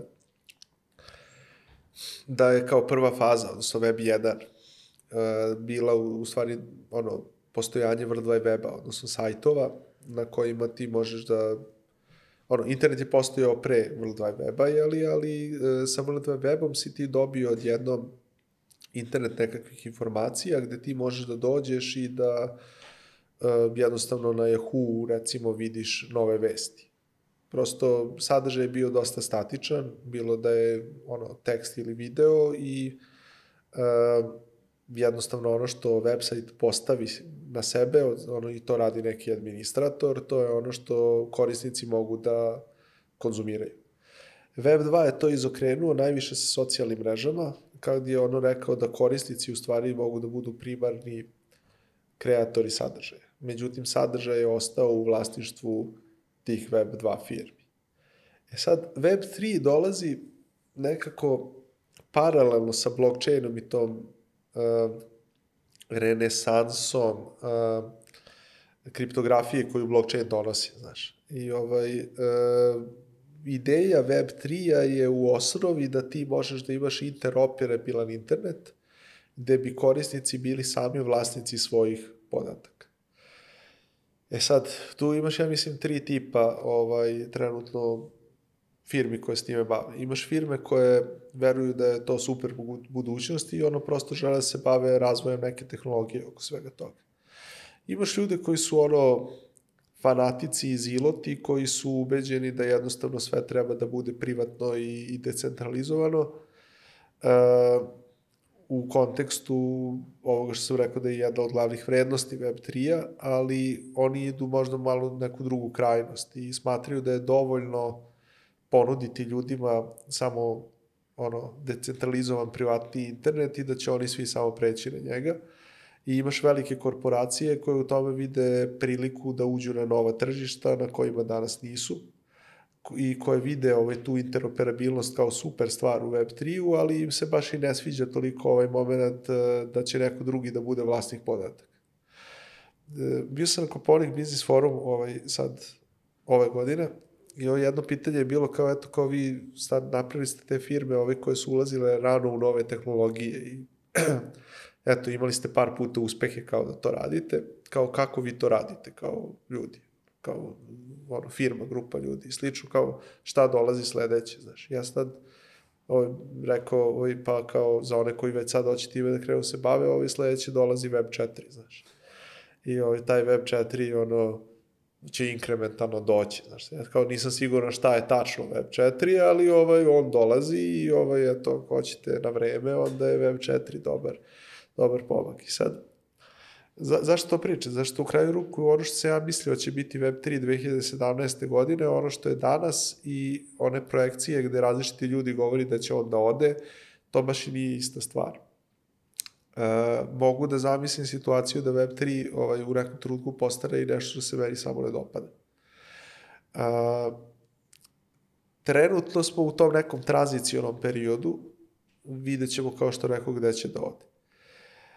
Ono što su jako interesantne stvari kod Web3-a koje su već sada po meni osnova možda budućeg Web3-a, a možda i nečeg što će biti Web4, ko to zna, to je taj trenutak gde smo dobili mogućnost da kroz nekakav token, nebitno ko šta sad misli o kriptovalutama ili slično, ali, nekak, ali token je prva stvar koja se desila u istoriji ono, otvorenog e, softvera, znači gde ti možeš da imaš direktno uh, vezanu svoju zaradu kao nekoga ko je napravio open source projekat za korišćenje i vrednost tog open source projekta.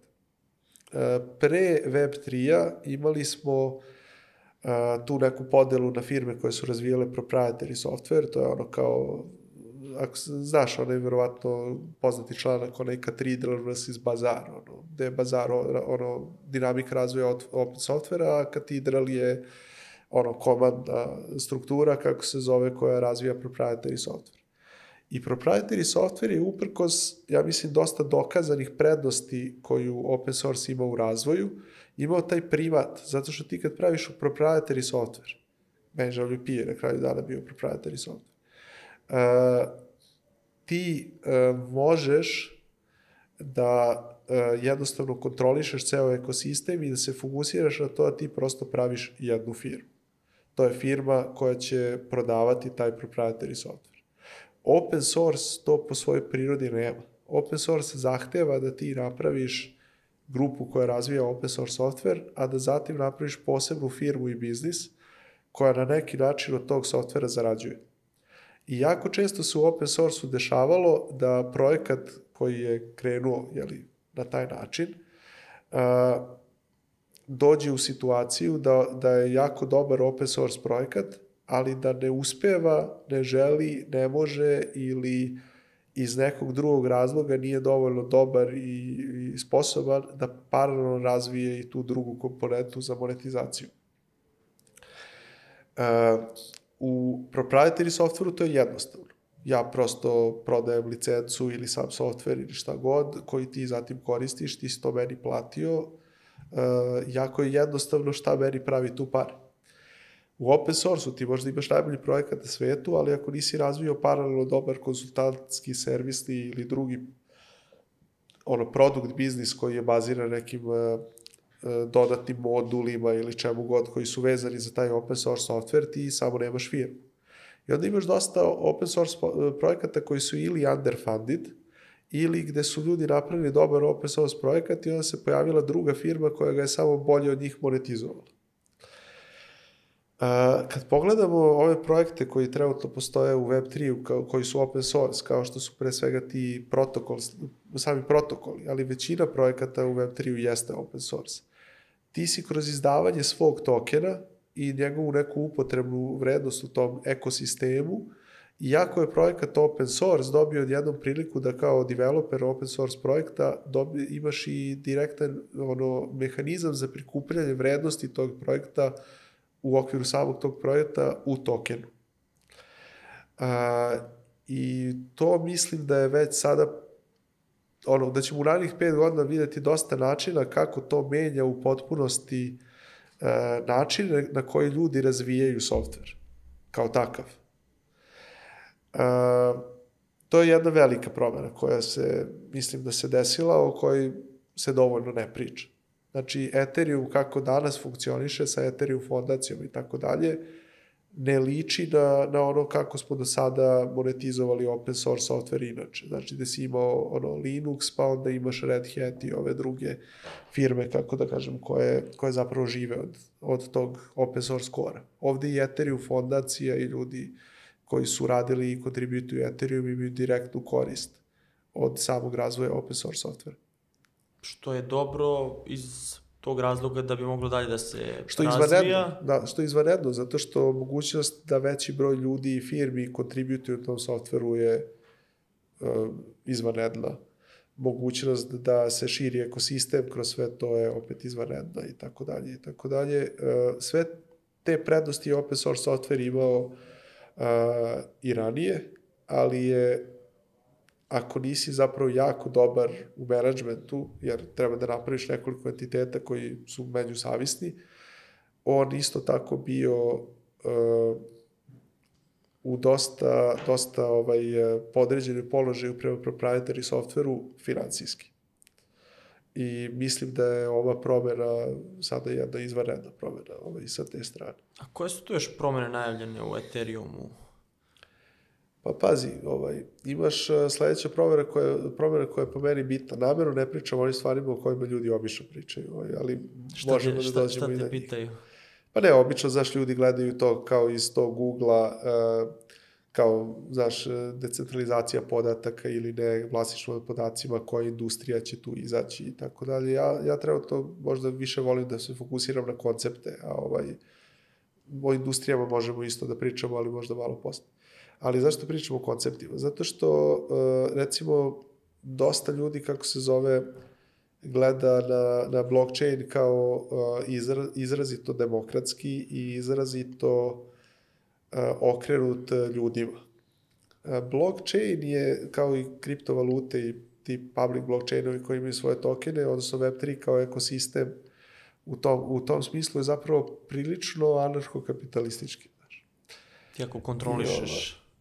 Pa gledaj, ovaj, u suštini e, to je i sam Bitcoin, Ethereum i slično su osmišljeni kao sistemi koji su u potpunosti tržišna ekonomija za menadžovanje nekakve računarske mreže.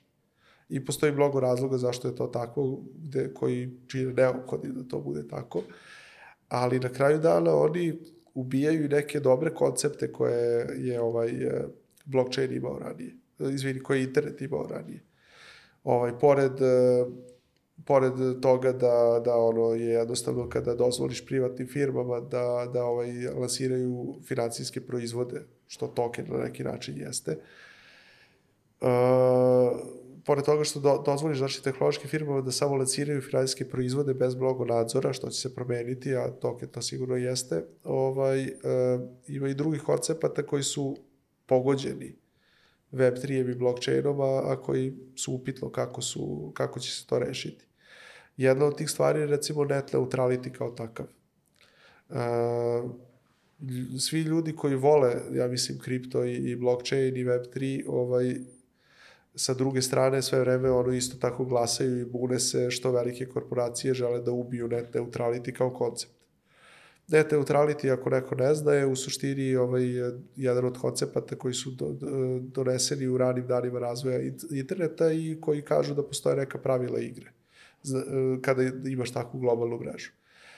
Net neutrality kao takav je pravilo koje kaže da ne može neko da jednostavno uzme i da provideru plati da njegov sadržaj postane prioriteta na mreži. Znači ja ako ono, imam internet kući, ja ne mogu da platim, kako, to jest firma kao što je recimo Netflix, ne može da plati da tom provideru da kako se zove Netflix radi brže od HBO recimo. Ovaj, ili od nečeg drugog tipa kao što je Google ili e-mail ili šta god. Znači, jednostavno sav internet, saobraćaj na internetu je neutralan. I to je koncept e, koji se ljudi jako dugo trude da očuvaju. Web3 je u potpunosti suprotan. Znaš, Web3 po svojoj prirodi kaže uh, onaj ko je voljan da najviše plati za transakciju, njegova će transakcija ići prva. I ovaj, u tom smislu gledano blockchain i Web3 se jako kose recimo sa net neutrality konceptima kao takvi. Postoje različite ideje kako to može se rešava. Ovaj Polygon gađa neke od tih segmenta, kao i ta neka druga layer, layer 2 i slična scaling rešenja, ali na kraju dana ovaj blockchain kao takav nije dobar za, za net neutrality. On je vrlo kapitalistički orijentisan u smislu tom koliko para, koliko, koliko para, toliko muzike. Mnogi pričaju o tome kako se zove da blockchain ima problem sa GDPR-om. Ja mislim da ne mora da ima. Znaš, ima tu gomila stvari kako bi blockchain mogao da ili bude u skladu sa GDPR-om ili da ispunjava GDPR u svrhu bolje od GDPR. Zato što zapravo ako ti držiš sve podatke kod sebe i nikad ih ne držiš sa platformom, platforma nema ništa da obriše. U krajnju ruku ali uh, ove neke stvari kao što je net neutrality, kao što je recimo law of lawful interception, to su sve stvari koje će se jako teško izbeći. Možeš to da objasniš? Law of lawful interception kaže suštinski, mislim da postoji u svim zemljama, manje više na svetu, sem u Švajcarskoj, da uh, kada ti uh, ovaj, posjeduješ i operišeš nekakav komunikacioni protokol, kao što ono, ako si email provider, ako si uh, internet provider, ako si ovaj ako imaš uh, WhatsApp, Viber ili nešto drugo, ti moraš imati po zakonu način da određenim službama u slučaju potrebe i opasnosti, ono po sudskom narodu, po sudskom nalogu daš pristup ovaj tim podacima, ovaj u većini zakona je to do 6 meseci unazad. Uh, blockchain uh, ovaj sve pamti, to je dobro, ali ono pseudo-anoniman i zamišljen je tako da na njemu rade većinom privatni protokoli, uh, gde ja ne mogu da ti dam te podatke zato što se oni ili ne nalaze kod mene ili su enkriptovani i ne mogu se pročitati i ja nemam način da ih pročitam. Tako da neke od tih mreža kao što je Bitcoin nemaju ni centralnog administratora, pa u smislu nemaš nikoga da pitaš. I ovaj, u tom smislu gledano, većina ono javnih blockchainova i generalno blockchainovi ovaj, idu u suprotnosti sa tim zakonom. Sad, znaš, što je meni jako interesantno, ljudi dođu i kažu, problem je, uh, kako da kaže, problem je zašto uh, blockchain nije GDPR kompatibilan. Ali GDPR sa druge strane nije kompatibilan ni sam po sebi sa zakonom o ovom uh, lawful interceptionu, a za, za GDPR si ti dužan da platiš velike pare, a za, kako se zove, zakon o lawful interceptionu, ono, to je potencijalno krivično, krivično delo skrivanja informacije, neko može da ode i u zatvor. I ovaj, u tom smislu gledano, mislim da je jako interesantna situacija i bez blockchaina. Znaš, šta se dešava ako ono, ja kao kriminalac dođem i, i tražim e, od tebe kao od provajdera da kako se obrišeš podatke o meni, u skladu sa GDPR. I ti si dužan da to uradiš. Ali sa druge strane si potencijalno uh, prekršeno i krivično odgovoran. Znaš. Da, zanimljiva situacija. Znaš, to je, ovaj, i niko ne priča o tome. Ovaj, blockchain je to samo potencijalno dodatno komplikuje, znaš. I to je, mislim da je to problem sa novim tehnologijama koje dolaze, drugačije ili efikasno rešavaju određene probleme za koje smo mi ono našli pravne načine da ih ovaj, na neki način rešimo i ti načini rešavanja tih problema samo nisu međusobno ni usklađeni. A, u trenutku kada je svet raspolagao sa malo digitalnih informacija, to nije bio velik problem. Sada kad mi idemo ka tome da kroz 5G, IoT, sve drugo što se dešava oko nas, e, ono, dođemo u poziciju da imamo u kući po par desetina uređaja koji se kače na internet, plus svi ljudi na svetu, maltene, koriste internet. E, dolazimo u situaciju da, da ti to i nećeš moći da braniš ni na koji način, jer ta potpuna digitalizacija ide u to da svi ti neusklađeni use case-evi u nekom trenutku postanu nešto što mora da se reši da bi uopšte sistem mogao da funkcioniše. Zato mislim da će, ako ne blockchain, i ako ne Web3, nego Web6, nije važno, ali e, mislim da će ti fault tolerant sistemi koji rade na celom internetu koji na nivou tehnologije mogu da onemoguće određene vidove ponašanja a, kroz kriptografiju i na drugi načine, ovaj, prosto da postanu osnova dalje, dalje korišćenja interneta. E sad, znaš, mi možemo da pričamo o tome da već danas je to jako prirodno da se desi u supply chainu. Već danas je to jako prirodno da se desi u nekretninama. A, postoje razni use case-evi u medicini, gde je to logično da se dogodi ovaj, i potreba danas postoji. Tehnologija možda ne može u svim slučajevima još uvek kao ni zakon i da je u potpunosti ovaj, isprati, ali desit će se uskoro. Međutim, a, ako, ono, gde je već blockchain danas spreman već da radi, ja mislim da je to definitivno su ono, sve, svi oblici vezani za finansijsku industriju. A, međutim, ako gledaš to iz ugla a, toga gde će blockchain biti u budućnosti, ja bih rekao da nekakav fault tolerance sistem, nalik na blockchain, bio to blockchain ili ne, će biti verovatno osnova svih transakcija na internetu u budućnosti uopšte zato što uh, interoperabilnost svih tih sistema koji mor, će morati da budu uh, međusobno jeli, i kompatibilni, ali i bezbedni, da međusobno komuniciraju, mora da se desi preko inherentno u startu bezbednog, bezbednog protokola. Kako ćemo to postići, ne znam, ali dok to se ne, ne uradi, mi nećemo imati e, mogućnost da skaliramo ovaj internet na ono što on već sada e, neminovno postaje. Spomenuo si sad neke od situacija gde može da se primeni, gde se danas primenjuje i blockchain i Web3. E, pa je procentalno, koliko vidiš da oblasti može da, da se uklopi jedan sa jedan na, na Web3? Ja mislim da je trenutno 20-30% svih primjena u financijskoj industriji. E, što dalje idemo od toga, to bitnije postaje koliko je ta industrija u koju Web3 i blockchain ulaze u stvari uh, u potpunosti digitalizovana. Znaš, ljudi kažu ovo je kao moja firma je prošla digitalizaciju uh, i po tim podrazumevaju da ono... Imamo kasu. Pa da, ono kao firma koristi softver, znaš, ovaj, za sve. I znaš, ono, kao to kažeš, imamo kasu, imamo ono. Međutim, u većini firmi ti softveri pod broj 1 ne komuniciraju međusobno, i pod broj 2 e, ne postoji potpuna automatizacija poslovanja, nego se e, softver oslanja na to da će čovek nešto ručno da unese. Onog trenutka kada uređaji krenu da unose to što unosi čovek, odnosno da neki senzori prihvataju te podatke i slično, i kada uređaj, odnosno kada softveri budu međusobno krenuli da komuniciraju, da razmenjuju informacije, mi imamo odno, osnovu za ono što je glavna vrednost i prednost e, digitalizacije, a to je automatizacija svega. I ti onda možeš da ideš to u penziju zato što je sve automatizovano. I većina stvari ovaj, mogu da se dese bez direktnog uticaja osobe i svakodnevnog rada. Uh, to, međutim, podrazumeva da, da će se ono internet saobraćaj uh, povećati nekoliko hiljada puta. I nama treba i infrastruktura koja to može da podrži, ali i infrastruktura koja može to da radi na bezbedan način. I trenutni internet to nije. E, a kad dolazimo sad do bezbednosti, šta rešava Web3? Što se tiče Web3 bezbednosti, šta nam donosi? Da.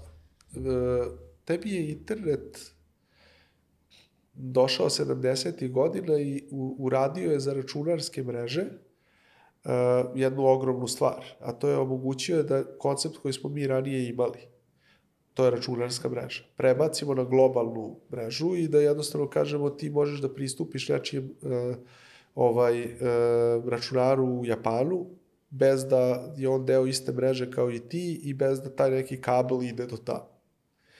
I to je otvorilo odjednom uh, ogroman prozor u svet nekih mogućnosti. Web3 je nešto slično, odnosno blockchain je nešto slično uradio tako što je uzeo i to što je internet uradio za računarske mreže, uradio za fault tolerance sisteme. Uh, ti si fault tolerance sisteme imao i ono mnogo ranije, znaš. Uh, tebi su te, tebi su ove ti koncepti self-repairing i, i fault toleranting sistema se koriste u crnim kutijama u avijaciji koristili su se za sve letove na mesec, za sve letove u svemir koji su ikad desili, pa i, na, i za let na mesec i tako dalje i tako dalje. Koriste se ono kada želiš da, da napraviš sistem koji će moći da radi jako dugo, čak i ako neki, njegovi, ne, neki delovi njega počnu da lažu ili da otkazuju, da zna koji su te, to delovi, da ih isključi sam. Znači, ako stavljaš sondu ono, na dno Antarktika, ti želiš fault tolerant sistem. Međutim, ti si bio ograničen na to da je taj sistem, taj uređaj, do blockchaina. Blockchain je te koncepte uspeo onda da prebaci na internet.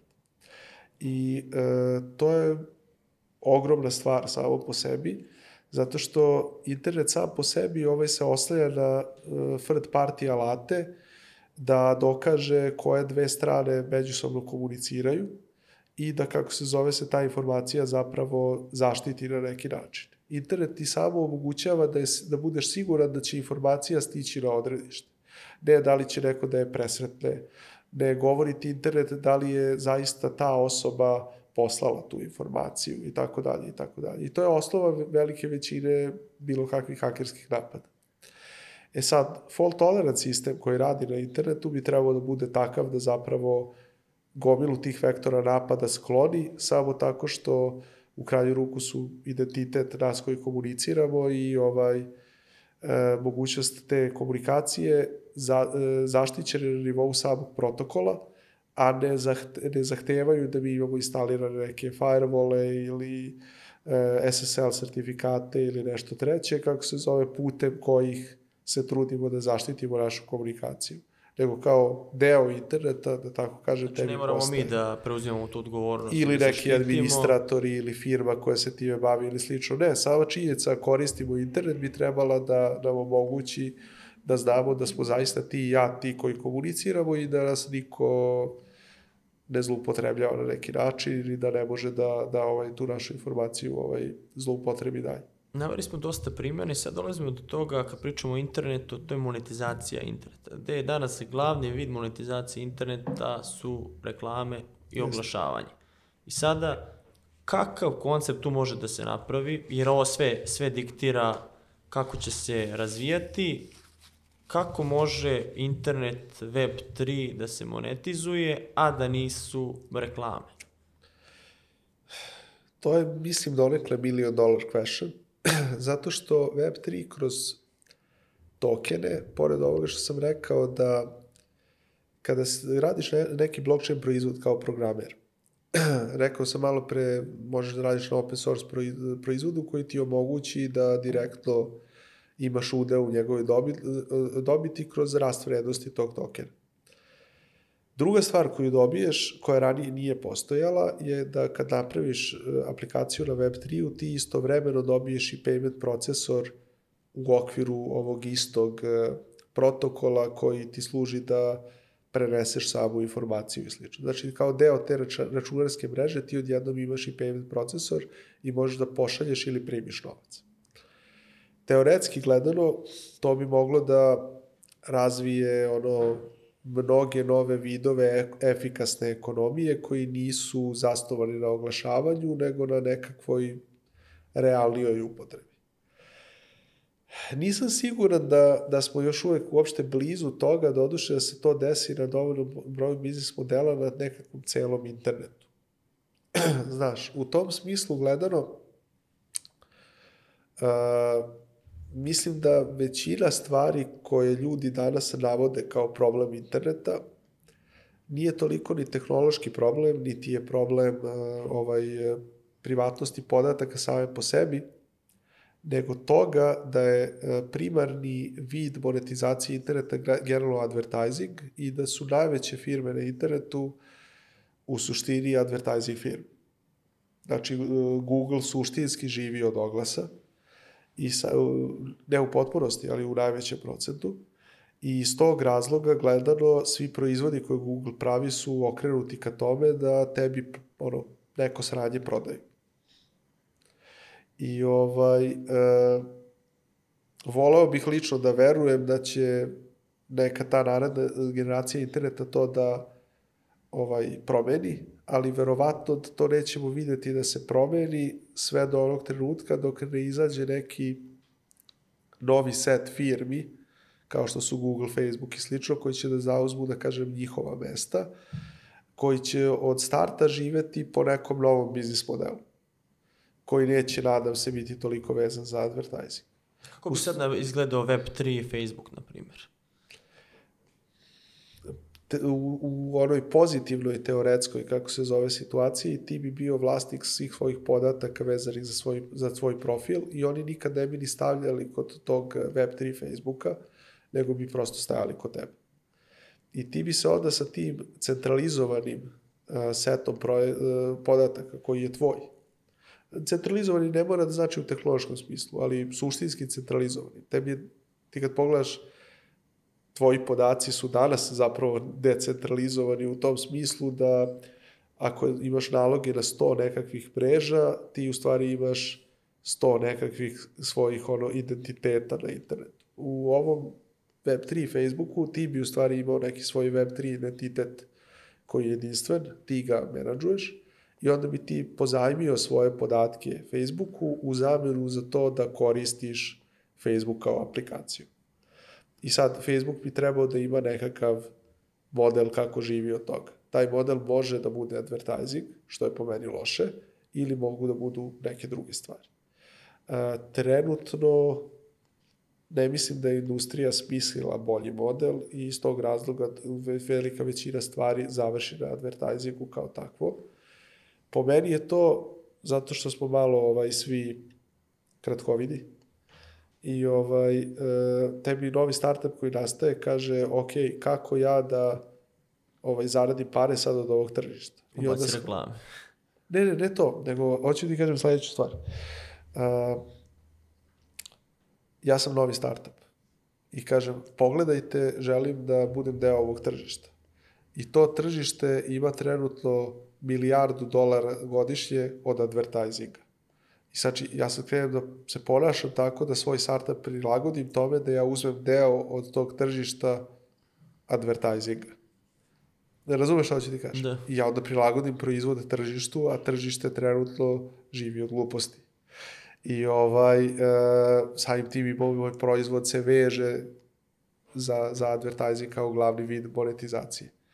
E, imali smo razgovor sad sa jednom ekipom ovaj, sa kojom radimo, koja baš se bavi primenjenom kriptografijom, gde bi ti ljudi želeli da dođu kod nas u firmu i da postanu možda nešto što bi mi zvali founder in residence. Jer MVP Workshop je zamišljen suštinski kao firma koja može da razvija nove foundere, ali i da lansira nove, nove spin-off firme. I kao takav, uh, ovaj MVP workshop je jako interesantan meni i sve to stoji, ali ima taj moment gde, sećam se baš, evo pričao sam sa tom ekipom ljudi i oni su rekli kao eto, kao mi radimo na ovome što je vezano za primenjenu kriptografiju i ovaj, gledali smo koje industrije uh, trenutno to mogu da koriste. I ovaj, uh, shvatili su da tih industrija ima jako malo. I sad oni traže način da uđu u neke od tih malih industrija. A moja logika se, u razgovoru s njima je samo bila kao, ajde, nemojte razmišljati o tome koje industrije danas postoje, nego ako ćete vi time da se bavite narednih pet godina, ajde da pričamo o tome koje industrije će možda postoje za pet godina. Jer u suprotnom oni će isto da, da svu svoju vrednost vežu za taj use case koji danas radi, za koji oni možda već kasne. Ovaj, I mislim da kada firme krenu da se prebacuju iz tog mindseta u to kao ajde da pravim ja sad ove stvari za ovo što će doći u budućnosti, jer se stvari ono u budućnosti će se isto, isto kao što sad jako brzo menjaju, još brže će se menjati ovaj, kasnije. E, mislim da ćemo onda možda u nekom trenutku neko će ovaj, uspeti da, da, da ubode pravu ideju i sliku budućnosti gde možda advertising nije prav, ono, ovaj glavni vid eh, zarade na internetu i možda pokrene neku tu novu revoluciju. Ali ovaj, do tada smo verovatno dok, dok taj neko pametan ne dođe, kogod da je ta osoba, ovaj, verovatno smo ovaj, osuđeni na to da ne svi bi, ovaj, internet biznisi, ali velika količina internet biznisa ostanu kao, ovaj, kao deo te advertising mašine i, i da jednostavno samim tim će i najveći procenat interneta i dalje živjeti od toga. čekamo taj odgovor. Ima si jedan zanimljiv koncept, to je kurs koji si održao i plaćao ljudima da te gledaju i slušaju. Zašto za početak pričao sam o temu marketinga o kojoj znam malo. I onda je moja logika bila da ovaj, ako, ako budem nudio neke pare ljudima da to slušaju, neće da se ljude, što, ljute što ih nisam dovoljno naučio. E sad ne znam, meni ovaj deluje da u nekim od tih stvari kad se baviš eh, startup firmama, one zahtevaju specifične vidove marketinga. To naročito trenutno znači ja mislim, za Web3 i kripto, gde ono je community management i community marketing dominantan, sa gomilama primesa neke te meme kulture. Znaš, ono, ovaj, Da. ne, nemaš mnogo industrija gde ljudi dođu ovaj, kao u kriptu, da je normalno da dođeš i kažeš meni treba osoba da ono, sedi u firmi i pravi mimove po ceo dan. Jer kao to je to, je to što tamo prolazi u community buildingu i tako dalje i tako dalje. Tako da ja sam teo da kao neko ko nije marketar i ko ne razume dovoljno te stvari, pri, ovaj,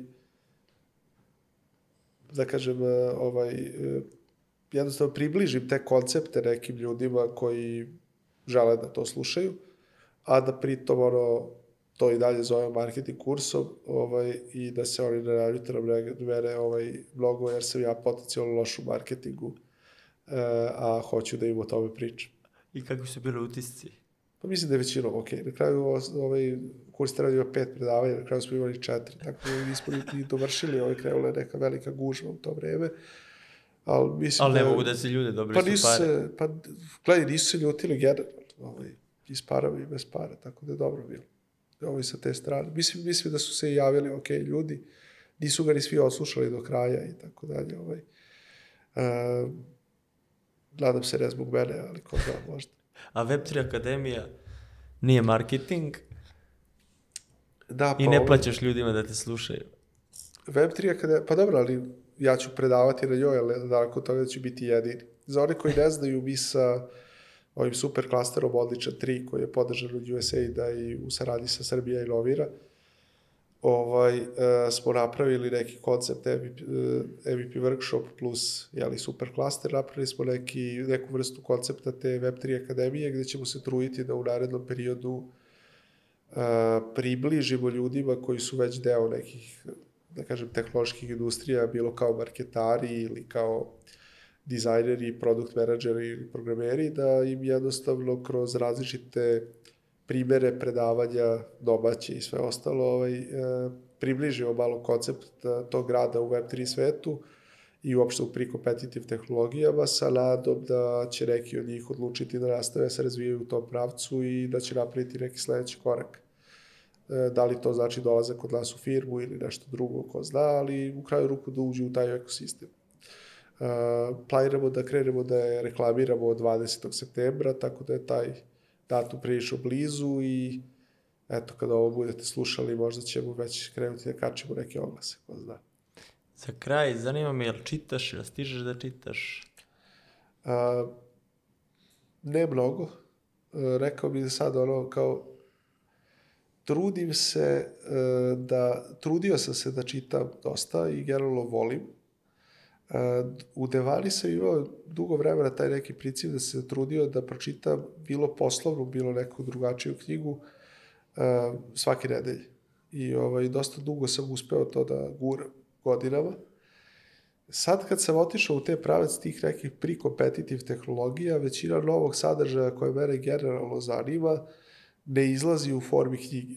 Zato što to su stvari koje su u ranim fazama, koji ljudi rade ono, u svojim podrumima i tako dalje i onda e, mediji, ono, koji, kojima, medijumi kojima oni u stvari prenose ovaj, taj sadržaj su više u formama nekih e, kratkih radova, ono, e, blog postova, ono, podcasta ili čega god i, i redko kada Telegram grupa, nebitno, ovaj, znači redko kada su to zapravo, zapravo sada knjige, a, premda ono, volim da čitam, ali slabo, slabo stiže se u zadnje vreme u skladu sa ovim. A imaš neku preporuku koja je tebi pomogla, ili dok si bio u Devani? E, mislim da je za, za one ljude koji žele da se bave malo zbilije sta, startupima, ovaj definitivno neki must read, ovaj Four Steps to the Epiphany od Steve'a Blanka. To je preteča celog ovog eh, lead startup movementa u smislu u startupima. Čovjek je ono, se bavio kao profesor na Stanfordu i osnivač nekoliko startupa. Uh, razlozima zašto startupi uspevaju i propadaju i pokušavao je da uvede u startupe naučne, naučne procese i kulturu eksperimenta. I ovaj, to je i osnova, kao što rekoh, lead startupa i celog tog pokreta. Mnogi uzmu da čitaju lead startup knjige koje su malo razvodnjena priča svega toga i pitkija i ovaj, lakša za ući. Four Steps to Epiphany ima par stotina strana, sa jako sitki, sitnim fontom, malo slika i ovaj A4 formata je knjiga i više se ovaj gleda verovatno kao udžbenik i nešto što se vraćaš često na neke delove da pročitaš ponovo, ne čita se baš kao roman. Ali za sve one koji žele da se ozbiljije bave razvojem novih startup firmi, ja lično uvek volim da, da preporučujem kako se zove Four Steps to the Epiphany kao, kao dosta dobar ovaj, A šta bi, šta bi preporučio sada preduzetnicima koji žele da uđu u Web3? Pa gledaj, u nekom trenutku će ući svakako, jer u nekom trenutku će Web3 postati internet koji koristim. Kako god e, on izgledao ovaj, e, tada. E, tako da ja lično mislim da je ulazak u te pri, pri tehnologije pomalo rizičan, ali je pay-off koji možeš dobiti ogroman i bolje je da ono uđeš u 3 do 5 uh, novih tehnologija i da u 4 ne uspeš. Jednostavno, ovaj, a da ti ova peta vrati svu prethodnu investiciju u smislu novca, vremena, nerava koje si potrošio na to, nego da, nego da ovaj čekaš da vreme tih tehnologija samo dođe i da onda ono jednostavno ne, nemaš priliku da budeš u toj poziciji u kojoj si bio, nego da jednostavno budeš izvršilac nekog posla, dok nas roboti sve ne zameri. Ivane, hvala ti što si bio gost našeg Web3 podcasta. Jesmo sad mi Web3, ono, bio si ti. Pa jeste, pa morat. Osveštao i to je to. Pa sad, Idemo. sad ne smete da se vratite ni ništa drugo. znači, Web3 biznis priče. Hvala ti što si bio gost. Hvala vam na pozivu još jednom eto, nadam se da će biti sve više Web3 tema ovaj, uskoro. Sad ćemo da zaređemo, a mi se vidimo u narednoj Web3 biznis priči.